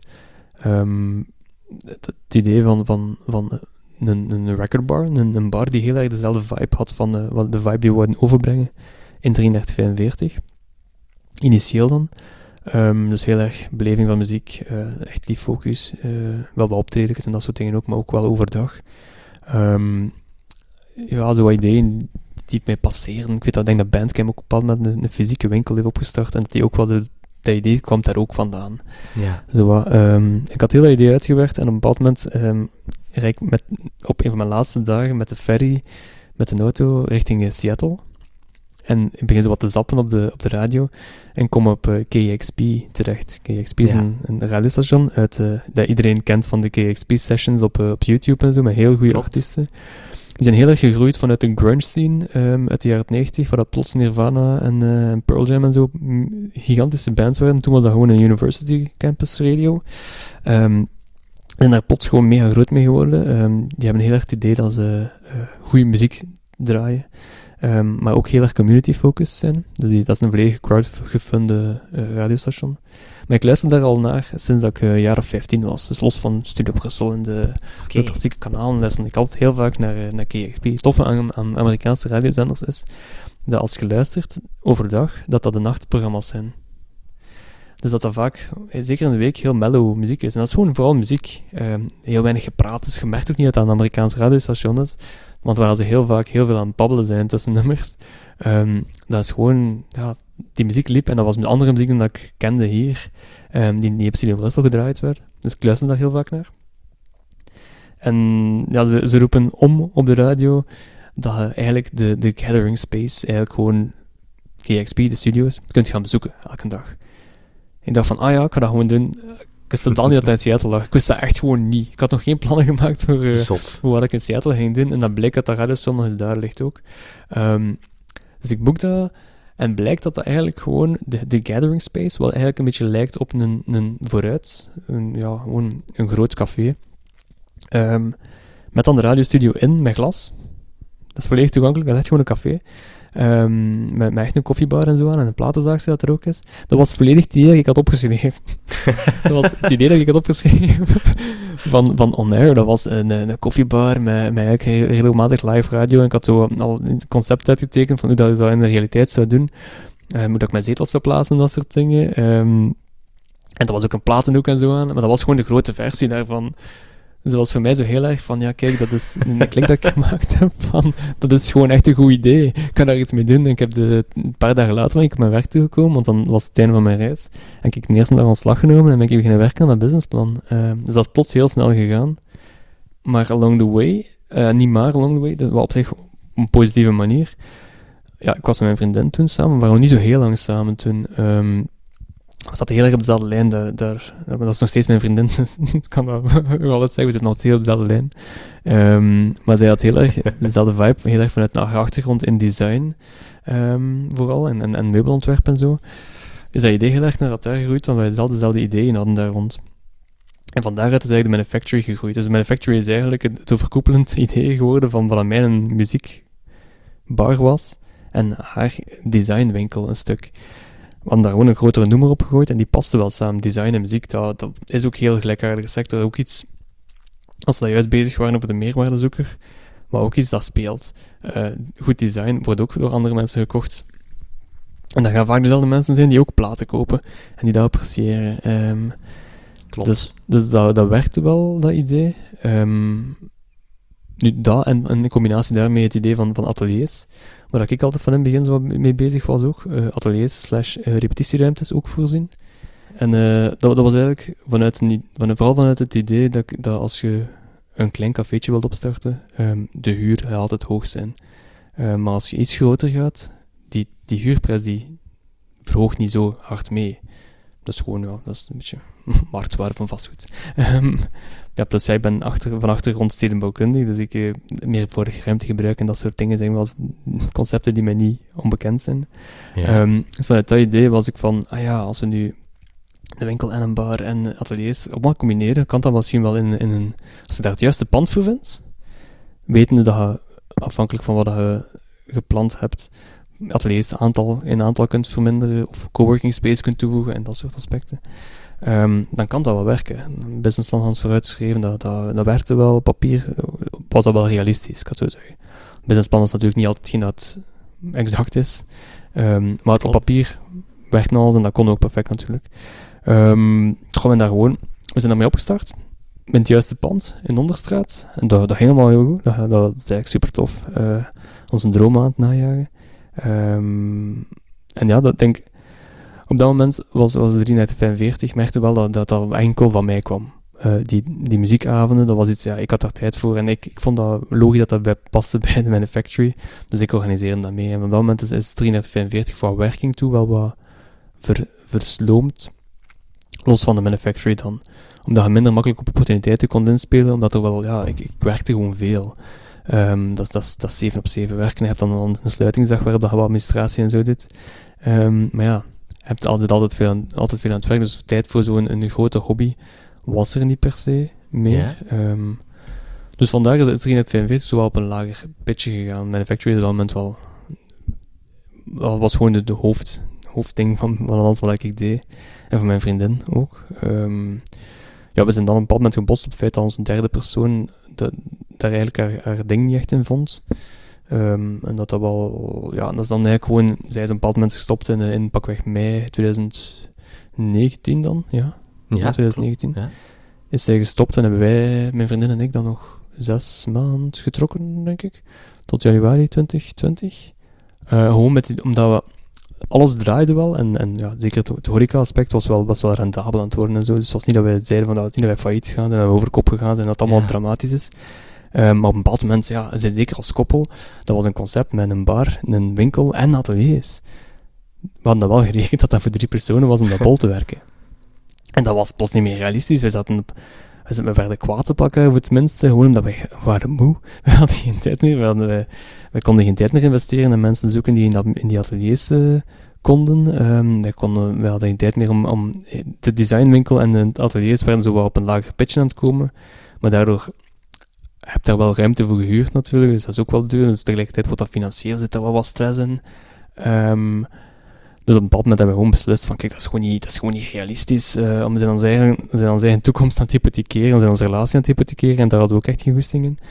Um, we zijn daarmee gestopt, op een, uh, op een heel clean manier, maar wel wetende van, ja, van mentaal wel een weerslag natuurlijk.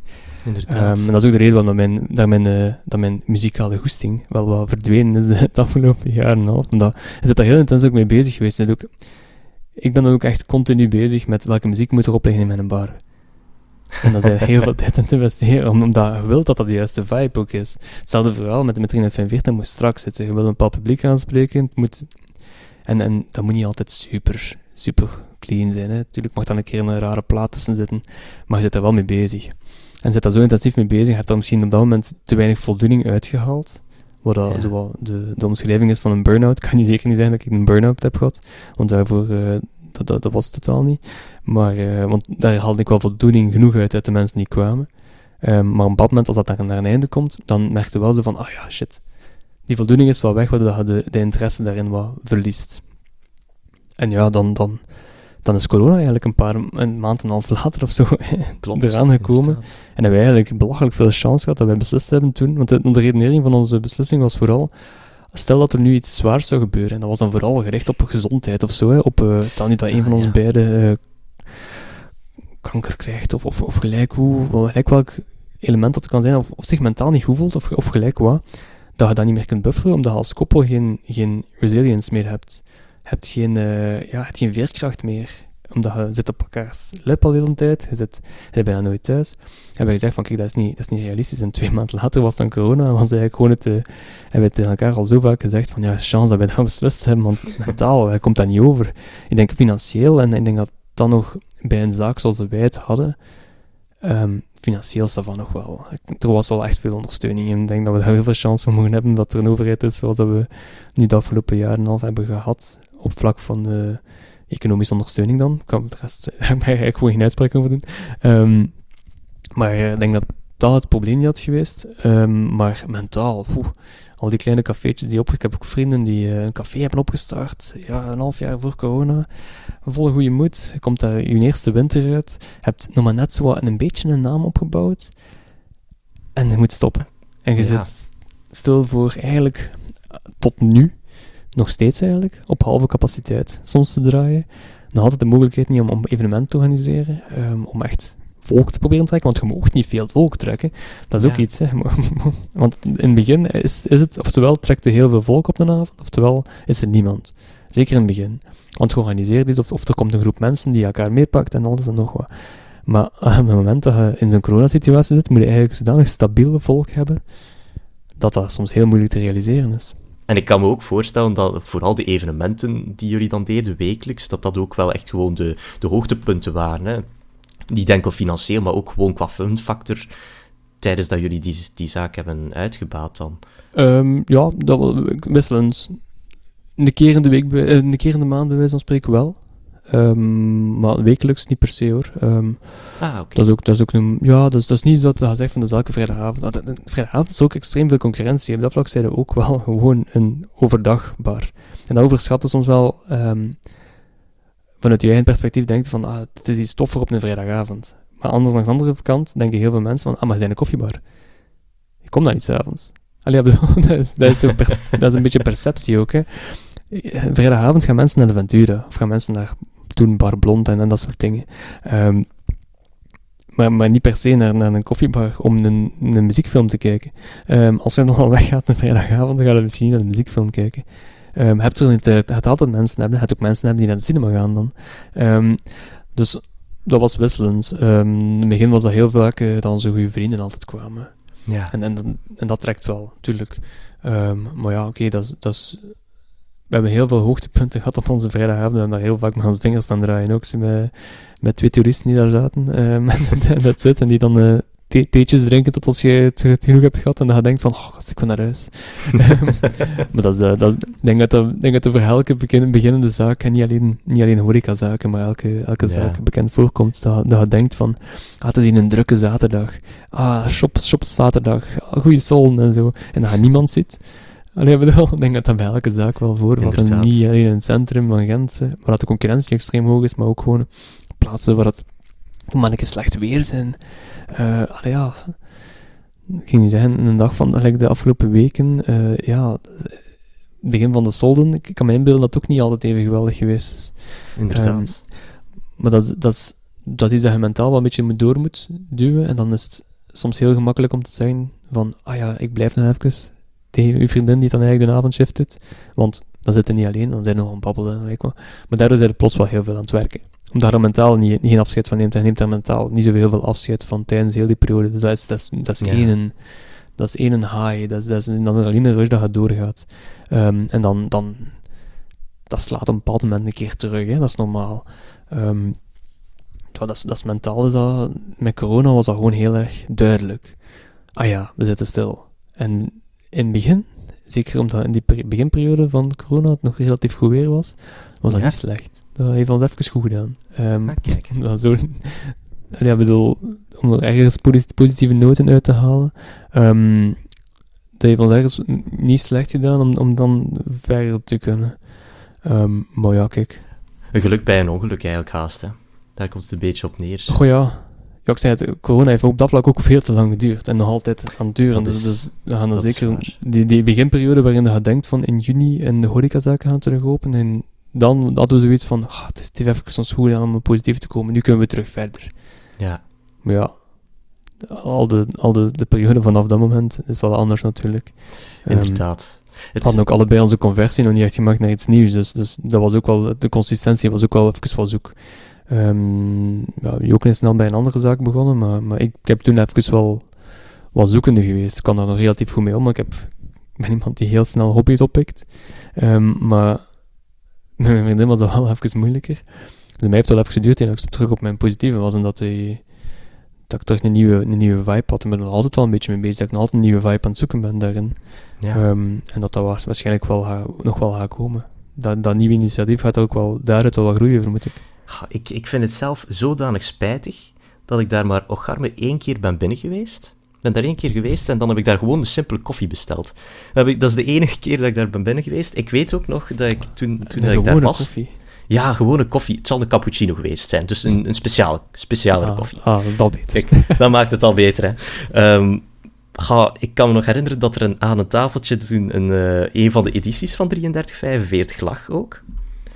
En dan ben ik daarna, ja, wat zal het geweest zijn, een dik half uur weer vertrokken. En ik heb echt zoveel spijt dat ik niet gewoon een keer in die luisterkamer bij jullie ben binnen geweest en dergelijke. En vooral ook dat ik niet eens ehm, zo een van jullie evenementen heb bezocht. Want ik kan me nog herinneren, via Facebook hadden jullie ook iedere maand een evenement op een bepaalde donderdag, iedere maand, een gesprek met iemand of zo, denk ik. Maar dat viel Ja, slecht voor mij, spijtig genoeg. Ja, snap ik. Nee, dat, dat was wel leuk, hè. want dat was echt iets dat heel erg uit, uit... Dat was eigenlijk het idee van bijna het, eh, het panelgesprek. Achtige idee dat we, dat we toen vertaalden naar een, eh, naar eigenlijk een fysiek moment, waarin we mensen uitnodigden om daar ook een stuk in deel te, deel te nemen. We hebben één, één iemand die we uitnodigden om wat de aanleiding te geven tot een gesprek met de mensen die Ja. er anders waren. Dus als daar extreem veel mensen waren, stokte dat soms ook, want ja, dan zijn er met heel veel mensen en dan is dat anoniem, zijn het plots een anonieme kamer geworden.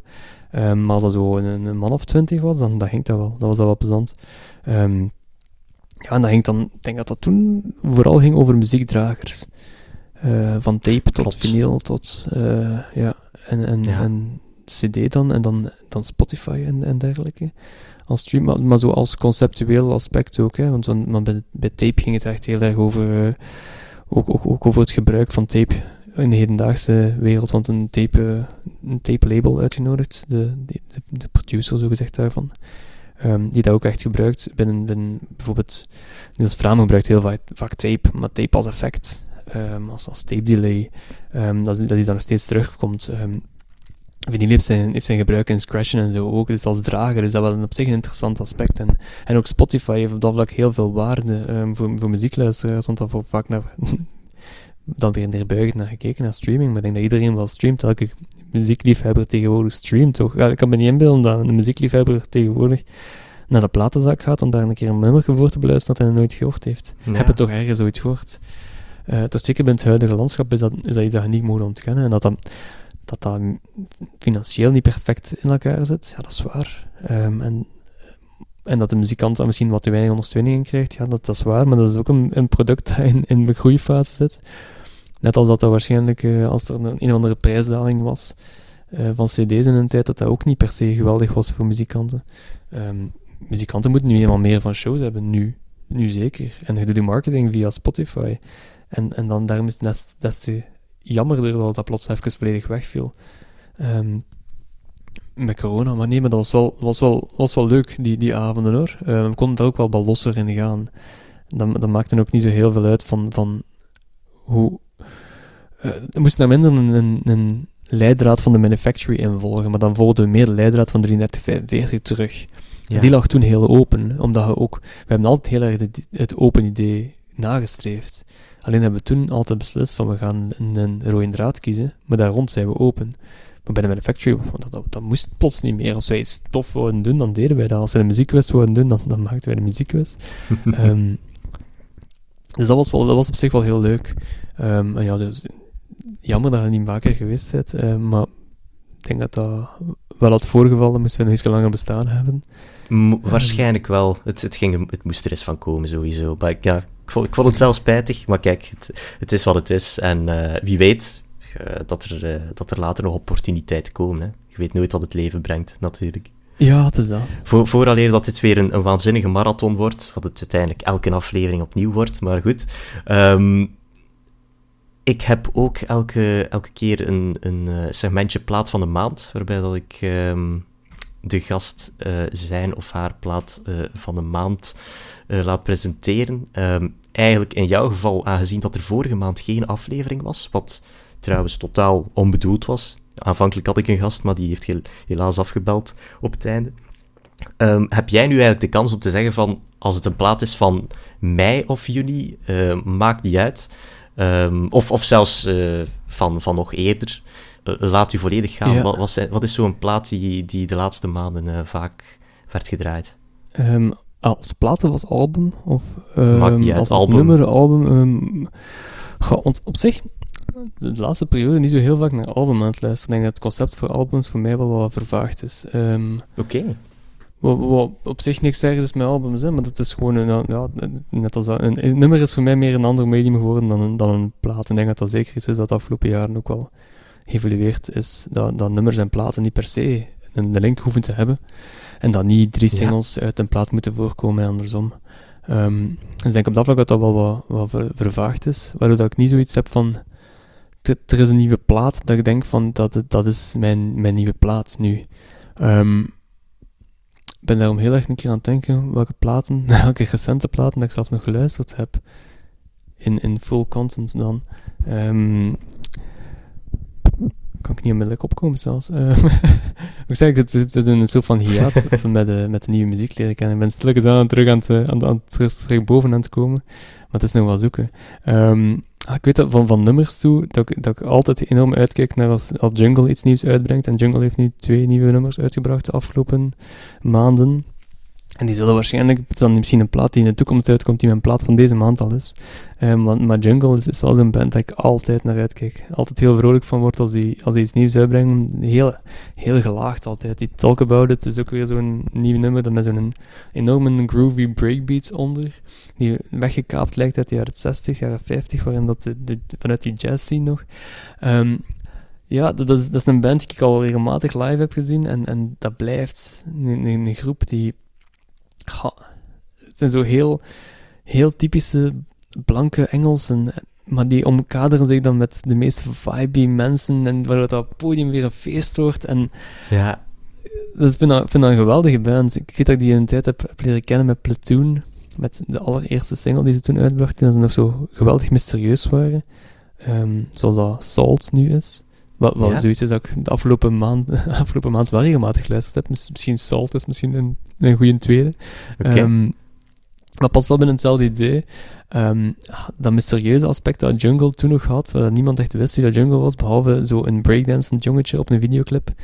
Um, en dan de volgende videoclip was dan ook weer zo'n dansgroep. En dan, ja, die, die, die vibe die daar rondhing, dat was altijd heel erg heel gelaagd ook. Dat was niet gewoon dansmuziek, dat was echt okay. muziek die gecomponeerd is als dansmuziek. Bijna zoals dat Giorgio Moroder waarschijnlijk muziek aan het componeren was in de jaren 70.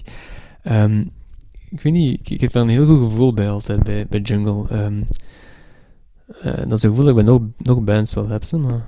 Ja, dat belooft alvast, want ik weet dat zij volgend jaar eind januari naar Vorst Nationaal komen, dacht ik. Um, ja, en ik heb tickets. Al, ja, same. ik, het gaat mijn eerste keer zijn dat ik ze ga zien. Dus ik, ik ben zelf een grote fan van hun tweede plaat, is dat denk ik? De plaat met, uh, hoe heet die? California en zo op. Ja, ja die, die gouden plaat, goudkleurig plaat. Ja, ja. Die vond ik echt heel tof. En de nieuwe singles heb ik voorlopig nog niet gehoord, maar uh, af. Ja, het, echt- lijkt nog altijd in dezelfde stijl waarschijnlijk eh, als, als het voorgaande. Heel erg. Nee, maar dat is gewoon, dat is ook een groep die, die stel dat die iets anders zouden maken, zouden die misschien beter een andere, een andere naam aannemen, want anders zouden ze weer bestempeld worden door de critici als, oh, maar dat is jungle niet meer. Ah, Terwijl ja. dat dezelfde mensen zijn die muziek aan het maken zijn. Maar nee, maar het is heel erg dezelfde vibe. Het lijkt misschien nog iets meer in, in de danssfeer. Eh, misschien hebben zij ook wel wat last van knaldrang gehad op dat vlak. Ehm, het is echt wel...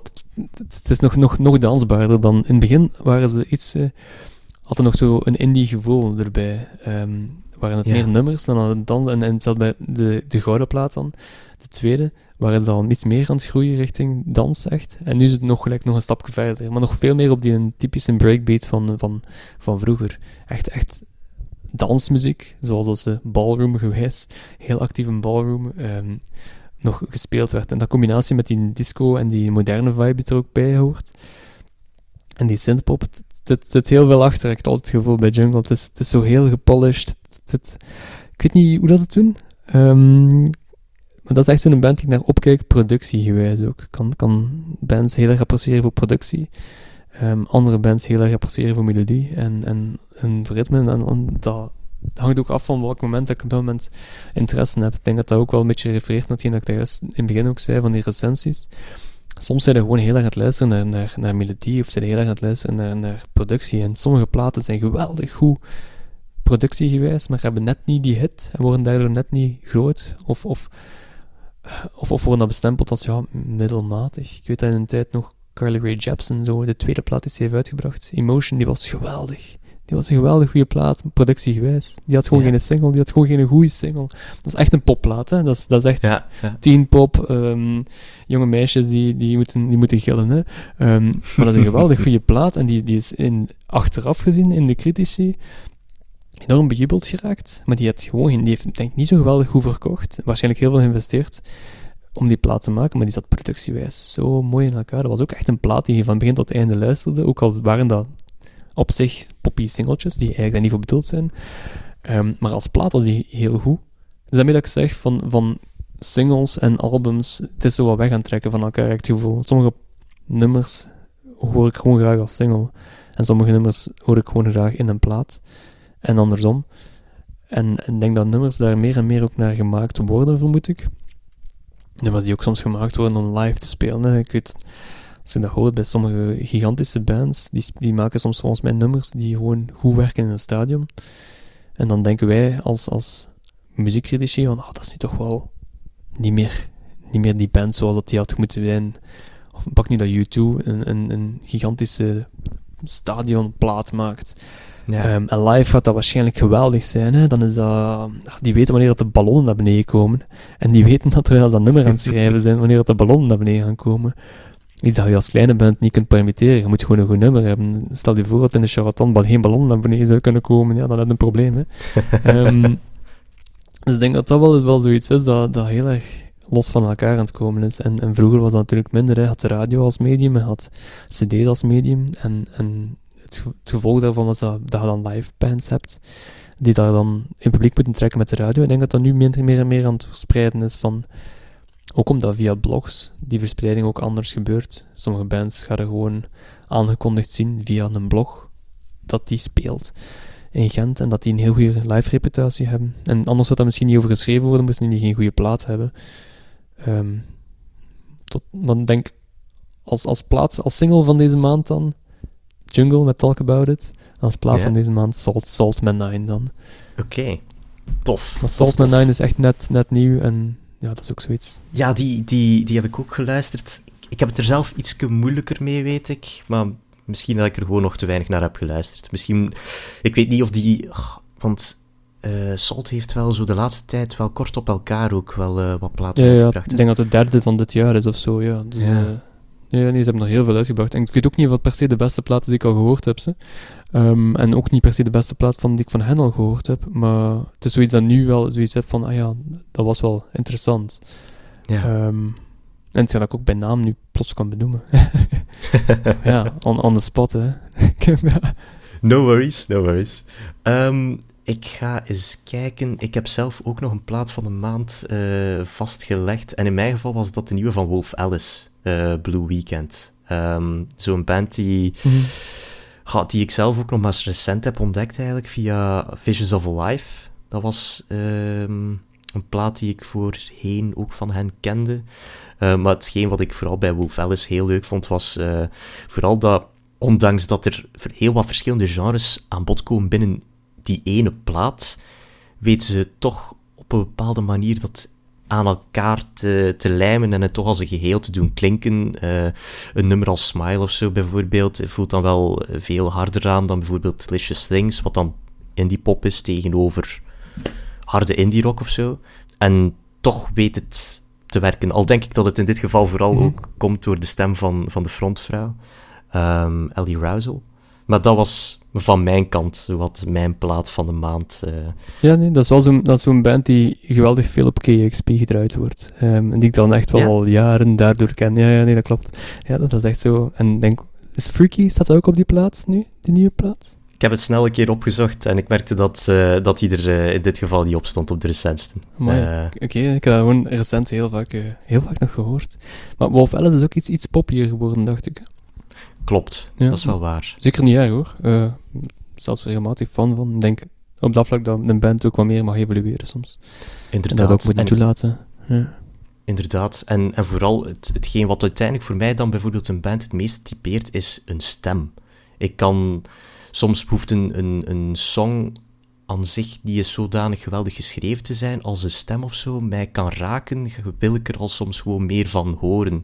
Uh, en dat zijn dan mhm. meestal wel niet de, de, stemmen die zo het meest zuiver zijn, maar waar dat er zo'n hoek van af is, heb ik zo de indruk. Maar ja, natuurlijk. Dat is nee, iets interessants, hè. Dat is ook... Uh... Ik heb dat heel erg met gezichten ook wel. Ik vind het op zich wel aantrekkelijk als mensen zoiets, als ze zo, zoiets niet perfect klopt per ah, se. Ja. Allee, ja, ik weet het niet, dat is misschien random gezegd, hoor, maar nee, dat hetzelfde verhaal, dat is interessant. Iets, iets interessants, niet gewoon zo gepolijst en het klopt perfect, maar um, een kring of een verwerking, zoals bij Billie Eilish of zo ook, is het niet per se de geweldige stem, maar gewoon het feit dat de, de manier waarop ze dit dan gebruikt, is gewoon interessant. In heel veel gevallen is dat, is dat iets leuks. Um, en bij vrouwenstemmen dan natuurlijk nog, nog iets meer dat, dat opvalt, omdat het ook gewoon stemmen zijn vaak heel bland. Hè. Um, zeker bij heel veel normale bands die vooral music focused zijn, zijn mannenstemmen gewoon vaak weggewerkt of dat de gitarist die zingt. En terwijl dat, ik het soms gevoel heb dat, dat vrouwen iets vaker de, de stem als muziek, muziekinstrument kiezen. Um, of, of toevallig misschien ook gewoon wat er minder vrouwen uh, in de muziekindustrie zitten en dat die daardoor uh, nog iets vaker opvallen als ze dan er wel zijn natuurlijk. Nee, maar wel is een goede keuze wel. Doorgaans breng ik ook nog uh, een korte vooruitblik, uh, een korte lijst, of enfin, kort, een, een redelijk lijvige is het eigenlijk alweer, uh, lijst van albums die deze maand bij de nieuwe plaat komen. We zitten al in juli, we zitten al eigenlijk al half weg. Tegen de tijd dat deze opname online komt, waarschijnlijk al zelfs twee derde in deze maand. maar ik ga toch gewoon nog een keer alles oplijsten. Um, wat er in juli allemaal verschijnt. En uh, op 2 juli zijn dat hoofdzakelijk At the Gates, Desperate Journalist, Laura Mvula, The Go Team, Snapped Ankles uh, en Bobby Gillespie en Jenny Beth. Op 9 juli hebben we platen van The Wallflowers, Charlotte Day Wilson, The Flatlanders, Inhaler. Dat is eentje die, waar dat ik wel een keer naar uitkijk. Of enfin, waar dat ik eens dringend naar moet luisteren, want die is al uit. Uh, de Goonsacks, uh, Vince Staples en Halfwife. Op 16 juli, wat in ons geval over enkele uren is, um, kom, komen uh, Bare Naked Ladies, Claro, Ida May, John Mayer, KDAP, Tones and I, Waves en Willow uit met een nieuwe plaat. 23 juli hebben we Annika, Darkside, Dave, David Crosby, Descendants, Jackson Brown, Leon Bridges en Megabog met iets nieuw. En op 30 juli hebben we Alan Vega, Billie Eilish, uh, Isaiah Rashad, Lila James, Los Lobos, Lump, uh, een posthumous plaat waarschijnlijk van Prince, uh, Torres en Yola. En dat is het zowat voor deze maand. Ik, als ik het vergelijk met andere maanden, heb ik zo het gevoel van hm, veel meer onbekende namen naar mijn gevoel dan anders. Maar dat kan ook aan mij Ja. Ja, ik kan me Eh. dat wel inbeelden. Maar het is ook niet echt een muziekrelease maand natuurlijk. Juli, Voilà. normaal festivals en zo, dan zijn meestal een release het ervoor al. hè. Inderdaad. Dus Het is, Maar toch, heb eh, ook Los Lobos eh, een nieuwe plaat, zeg. Los Lobos? Ik ken Los Lobos totaal niet. Dus, eh, La Bamba? Eh, la, la Bamba. ah, is, dat, is dat die band? Dat is, Lo- Wat- dat is Los Lobos, dus ik weet niet in hoeverre dat een nieuwe plaat is, hoor, maar... ik, ik vermoed een volledig nieuwe plaat. Maar, ah, godverdorie. Maar die, die ken ik ook maar enkel van die ene single. Maar, Ja, ik ook, ja, natuurlijk. ah, ik dacht hier zo van, we hebben hier met een superfan eh, te maken die praktisch die hele discografie kan bovenhalen. maar nee, dus... Ehm, zijn er bepaalde platen die je in de nabije toekomst eh, op je verlanglijst staan? Ehm, van, het, van het lijstje dat je juist hebt, eh, hebt opgenoemd, ik denk Claro wil ik wel eens beluisteren. Same. Die Vince, Ja. Sta- Vince Staples is altijd wel interessant. eh alles maar om, eens- om eens te luisteren en een idee van te vormen. Ehm, een interessante mens op zich. Hè. Maar het is al zo bij, bij Vince Staples, het is ook gewoon ja of nee bij nummers, bij platen, bij nummers die op platen staan. Het is, het is op dat vlak wel een beetje een, een controversiëlere muzikant. Hè. Het, is, eh, het is altijd heel interessant wat hij doet en die wilde ook gewoon wel, wel toffe dingen doen, heb ik het gevoel. Vandaar Ja. dat het wel interessant is om eens naar te luisteren. Ehm, voor de rest inderdaad zijn veel, veel kleine, kleine namen die, eh, die nu platen uitbrengen. Ja, Ehm, ja de- Laura Mvula, die, ik weet dat die nog... Die had nog wel wat nummers vroeger, denk ik. Of die heeft wel nog wat interessants gemaakt, denk ik. Dus ik weet niet, misschien dat dat wel nog iets is dat, dat komt. Leon Bridges heeft de laatste jaar ook wel veel singeltjes uitgebracht. Met andere mensen, maar nog niks nieuws van zijn eigen. Dus dat kan ook wel eens tof zijn. En vooral de naam die er natuurlijk het meeste uitspringt is Billie Eilish. Hè. Tweede plaat van haar. Ehm, ik weet niet in hoeverre dat je, dat je fan waart van de eerste, maar eh, er is natuurlijk veel buzz rond. Dat, daar valt niet eh, aan te ontkomen. Ja, eh, niet per se van, niet per se niet van eh, toffe nummers die erop staan. Ik denk dat het ook wel een, toen een interessante sound is en dat, dat, dat nu sommige nummers dat ik het gevoel heb die nu uitkomen, ik vermoed dat die op de plaats staan, dan, dan dat, dat ik wel tof vind en sommige dan niet. Ja, het, is een beetje dubbel. Ik ben niet per se fan, niet per se geen fan. het, is, het, is, een gewone artiest voor mij. Gewoon, Ja, het is iets dat passeert. Ik, ik ga nauwelijks ooit Billie Eilish opleggen, denk ik. Ehm, ik denk dat hetzelfde een beetje is met Inhaler, ook al zou ik dat wel eens benoemen, maar ik ben wel echt wel benieuwd naar wat die mannen doen. Voordat die mensen, eh, dat die echt op een plaats gaan brengen. ja. Want ze zijn wel, Ja. ik vind ze wel goed, maar het is zo niet dat je zo oplegt, denk ik. Ik weet niet waarom. Het is, het is niet iets dat me natuur ligt om op te leggen. Ehm, maar, maar ja, ik ben, ben wel benieuwd. Ik ben alleszins wel blij dat ze niet meer continu zeggen dat het eh, de, de zoon is van Bono. Eh, dat, is al, dat, is al, dat is al positief. Ze zijn dat heel bewust aan het vermijden om het te zeggen. En dat vind ik wel goed, want ze zijn echt wel een, een eigen naam aan het maken. Niet onbelangrijk. Ik, vind het, ik vond het Eh. zelfs wel opvallend dat het nog zo lang heeft geduurd voordat dat ze met een LP afkwamen. Want die, die waren denk ik al een stuk of drie jaar gewoon singles eruit aan het pompen. Maar van een album was er nooit echt sprake aanvankelijk. Dus ja, nu uiteindelijk toch een keer eh, een debuutplaat. Dus hopen dat die, dat die meevalt.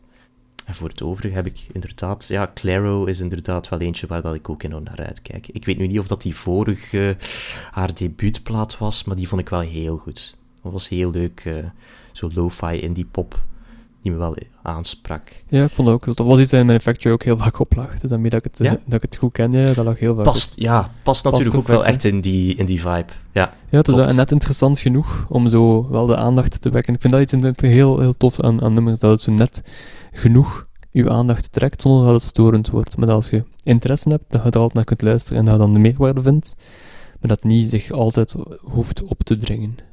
En Ja. daarmee dat ik ook wel vaker fan ben van zo lo-fi en van eh, dingen zoals Fortet is dat ook zo. Fortet kun je heel makkelijk vinden dat dat loungy is, soms. Maar als Ja. je naar wilt luisteren, dan ga je wel echt een diepere laag vinden. Dan ga je wel luisteren naar iets dat wel een pak interessanter is dan gewoon een typische loungeplaat. Maar je kunt dat tegelijkertijd op een, eh, weet ik veel, als je ouders komen eten, opleggen. oké. Wacht, nu ben ik wel gewoon benieuwd wat dat jij denkt van artiesten als Car Seat Headrest of zo, of eh Snail Mail, Soccer Mommy, ehm, dat soort Dat zijn- artiesten. Dat zijn dingen die ik wel regelmatig opleg. Waar, waar, je daarvan in het algemeen van vindt. Ehm Ja, Snailmail ben ik kom ik niet onmiddellijk bekend voor, kan ik niet echt iets op, eh, op plakken. Soccer Mommy luister ik wel vaak naar, vind ik wel tof. Maar ik zei, dat zijn heel erg, heel erg dingen die ook heel erg KXP-vibed zijn. Hè. Ehm, ja, die daar ook wel eh, heel die, die lo-fi zien en, en die net wat, wat boeiendere rock, ook al zijn ze niet per se prominent aanwezig. Mhm. Ehm, eh, dat vind ik wel heel interessant en dat is dan ook wel wat, wat gedreven, waarschijnlijk door, door textuele, maar door de, de verhalende aspect. Dat is natuurlijk ook Engels, is ook de moedertaal daar, dat is ook wel nog anders natuurlijk. Die vind ik wel heel goed, ja. Dat zijn dingen die heel vaak op, wel opleggen. Dat zijn ook dingen die ik ook regelmatig...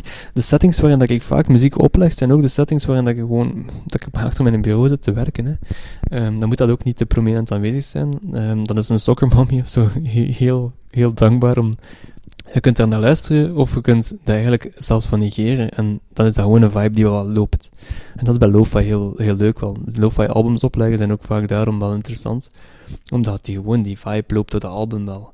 En, ehm, maar als je wel oplet, en let, leg het op als je geïnteresseerd bent of gaat naar een live optreden, dan is dat een ganz andere dimensie. Zeker zoiets als Car Seat Headrest, als je daar dan live naartoe gaat, gaat dat een ganz andere dynamiek zijn. Die nummers gaan zelfs niet met moeite nog lijken op wat ze eigenlijk op de plaat lijken. Ehm, Absoluut. Soms ligt dat tempo ook helemaal anders, bijvoorbeeld. Omdat dat ook live anders, anders is. Ehm, ja, nee, dat, ja. Dat zijn ja, muzikanten die wel vanuit dat nummer ook, ook vertrekken. En ik denk dat dat in het algemeen wel iets is dat, dat aanspreekt. Ja, los van interessante producties. Wat mij ook enorm hard aanspreekt. Maar ja. En, en daarmee denk ik dat we stilaan wel eh, aan het einde komen van de podcast. Het was er eentje, technisch gezien, eh, met horten en stoten. eh, maar daar gaat de luisteraar niet veel van merken, denk ik. want die ga ik er heel erg zorgvuldig uitknippen. Va. kijk eens aan. Ehm, een dikke merci nogmaals dat je erbij wilde zijn. Ehm, heel tof eh, dat je dit wilde doen. Ehm, ik hoop dat het voor u ook eh, toch eh, aangenaam was om hier digitaal nog eens een babbel te slaan over muziek. Ja, ja, zeker. Het is lang Top. geleden. Dus, dat ik nog eens mijn, mijn, mijn muziekkritische aspect naar boven kon trekken. Soms. Super. Ehm, en daarmee ga ik helemaal afsluiten, denk ik. Ik heb voor de luisteraar nog te melden dat er normaal gezien volgende maand ook weer één gepland staat. En dat we dit gaan doorstrekken sowieso tot het einde van het jaar. Ehm, hopelijk ditmaal zonder eh, gaten in de planning. Dus normaal gezien begin augustus komt er weer een, een nieuwe aan. Op de Facebookpagina gaat sowieso ook nog alles eh, terechtkomen. Eh, verder is de podcast natuurlijk op elk platform beschikbaar dat u maar kunt inbeelden. En bij deze wil ik u heel graag bedanken voor het luisteren opnieuw. En graag tot een volgende keer. Salutjes.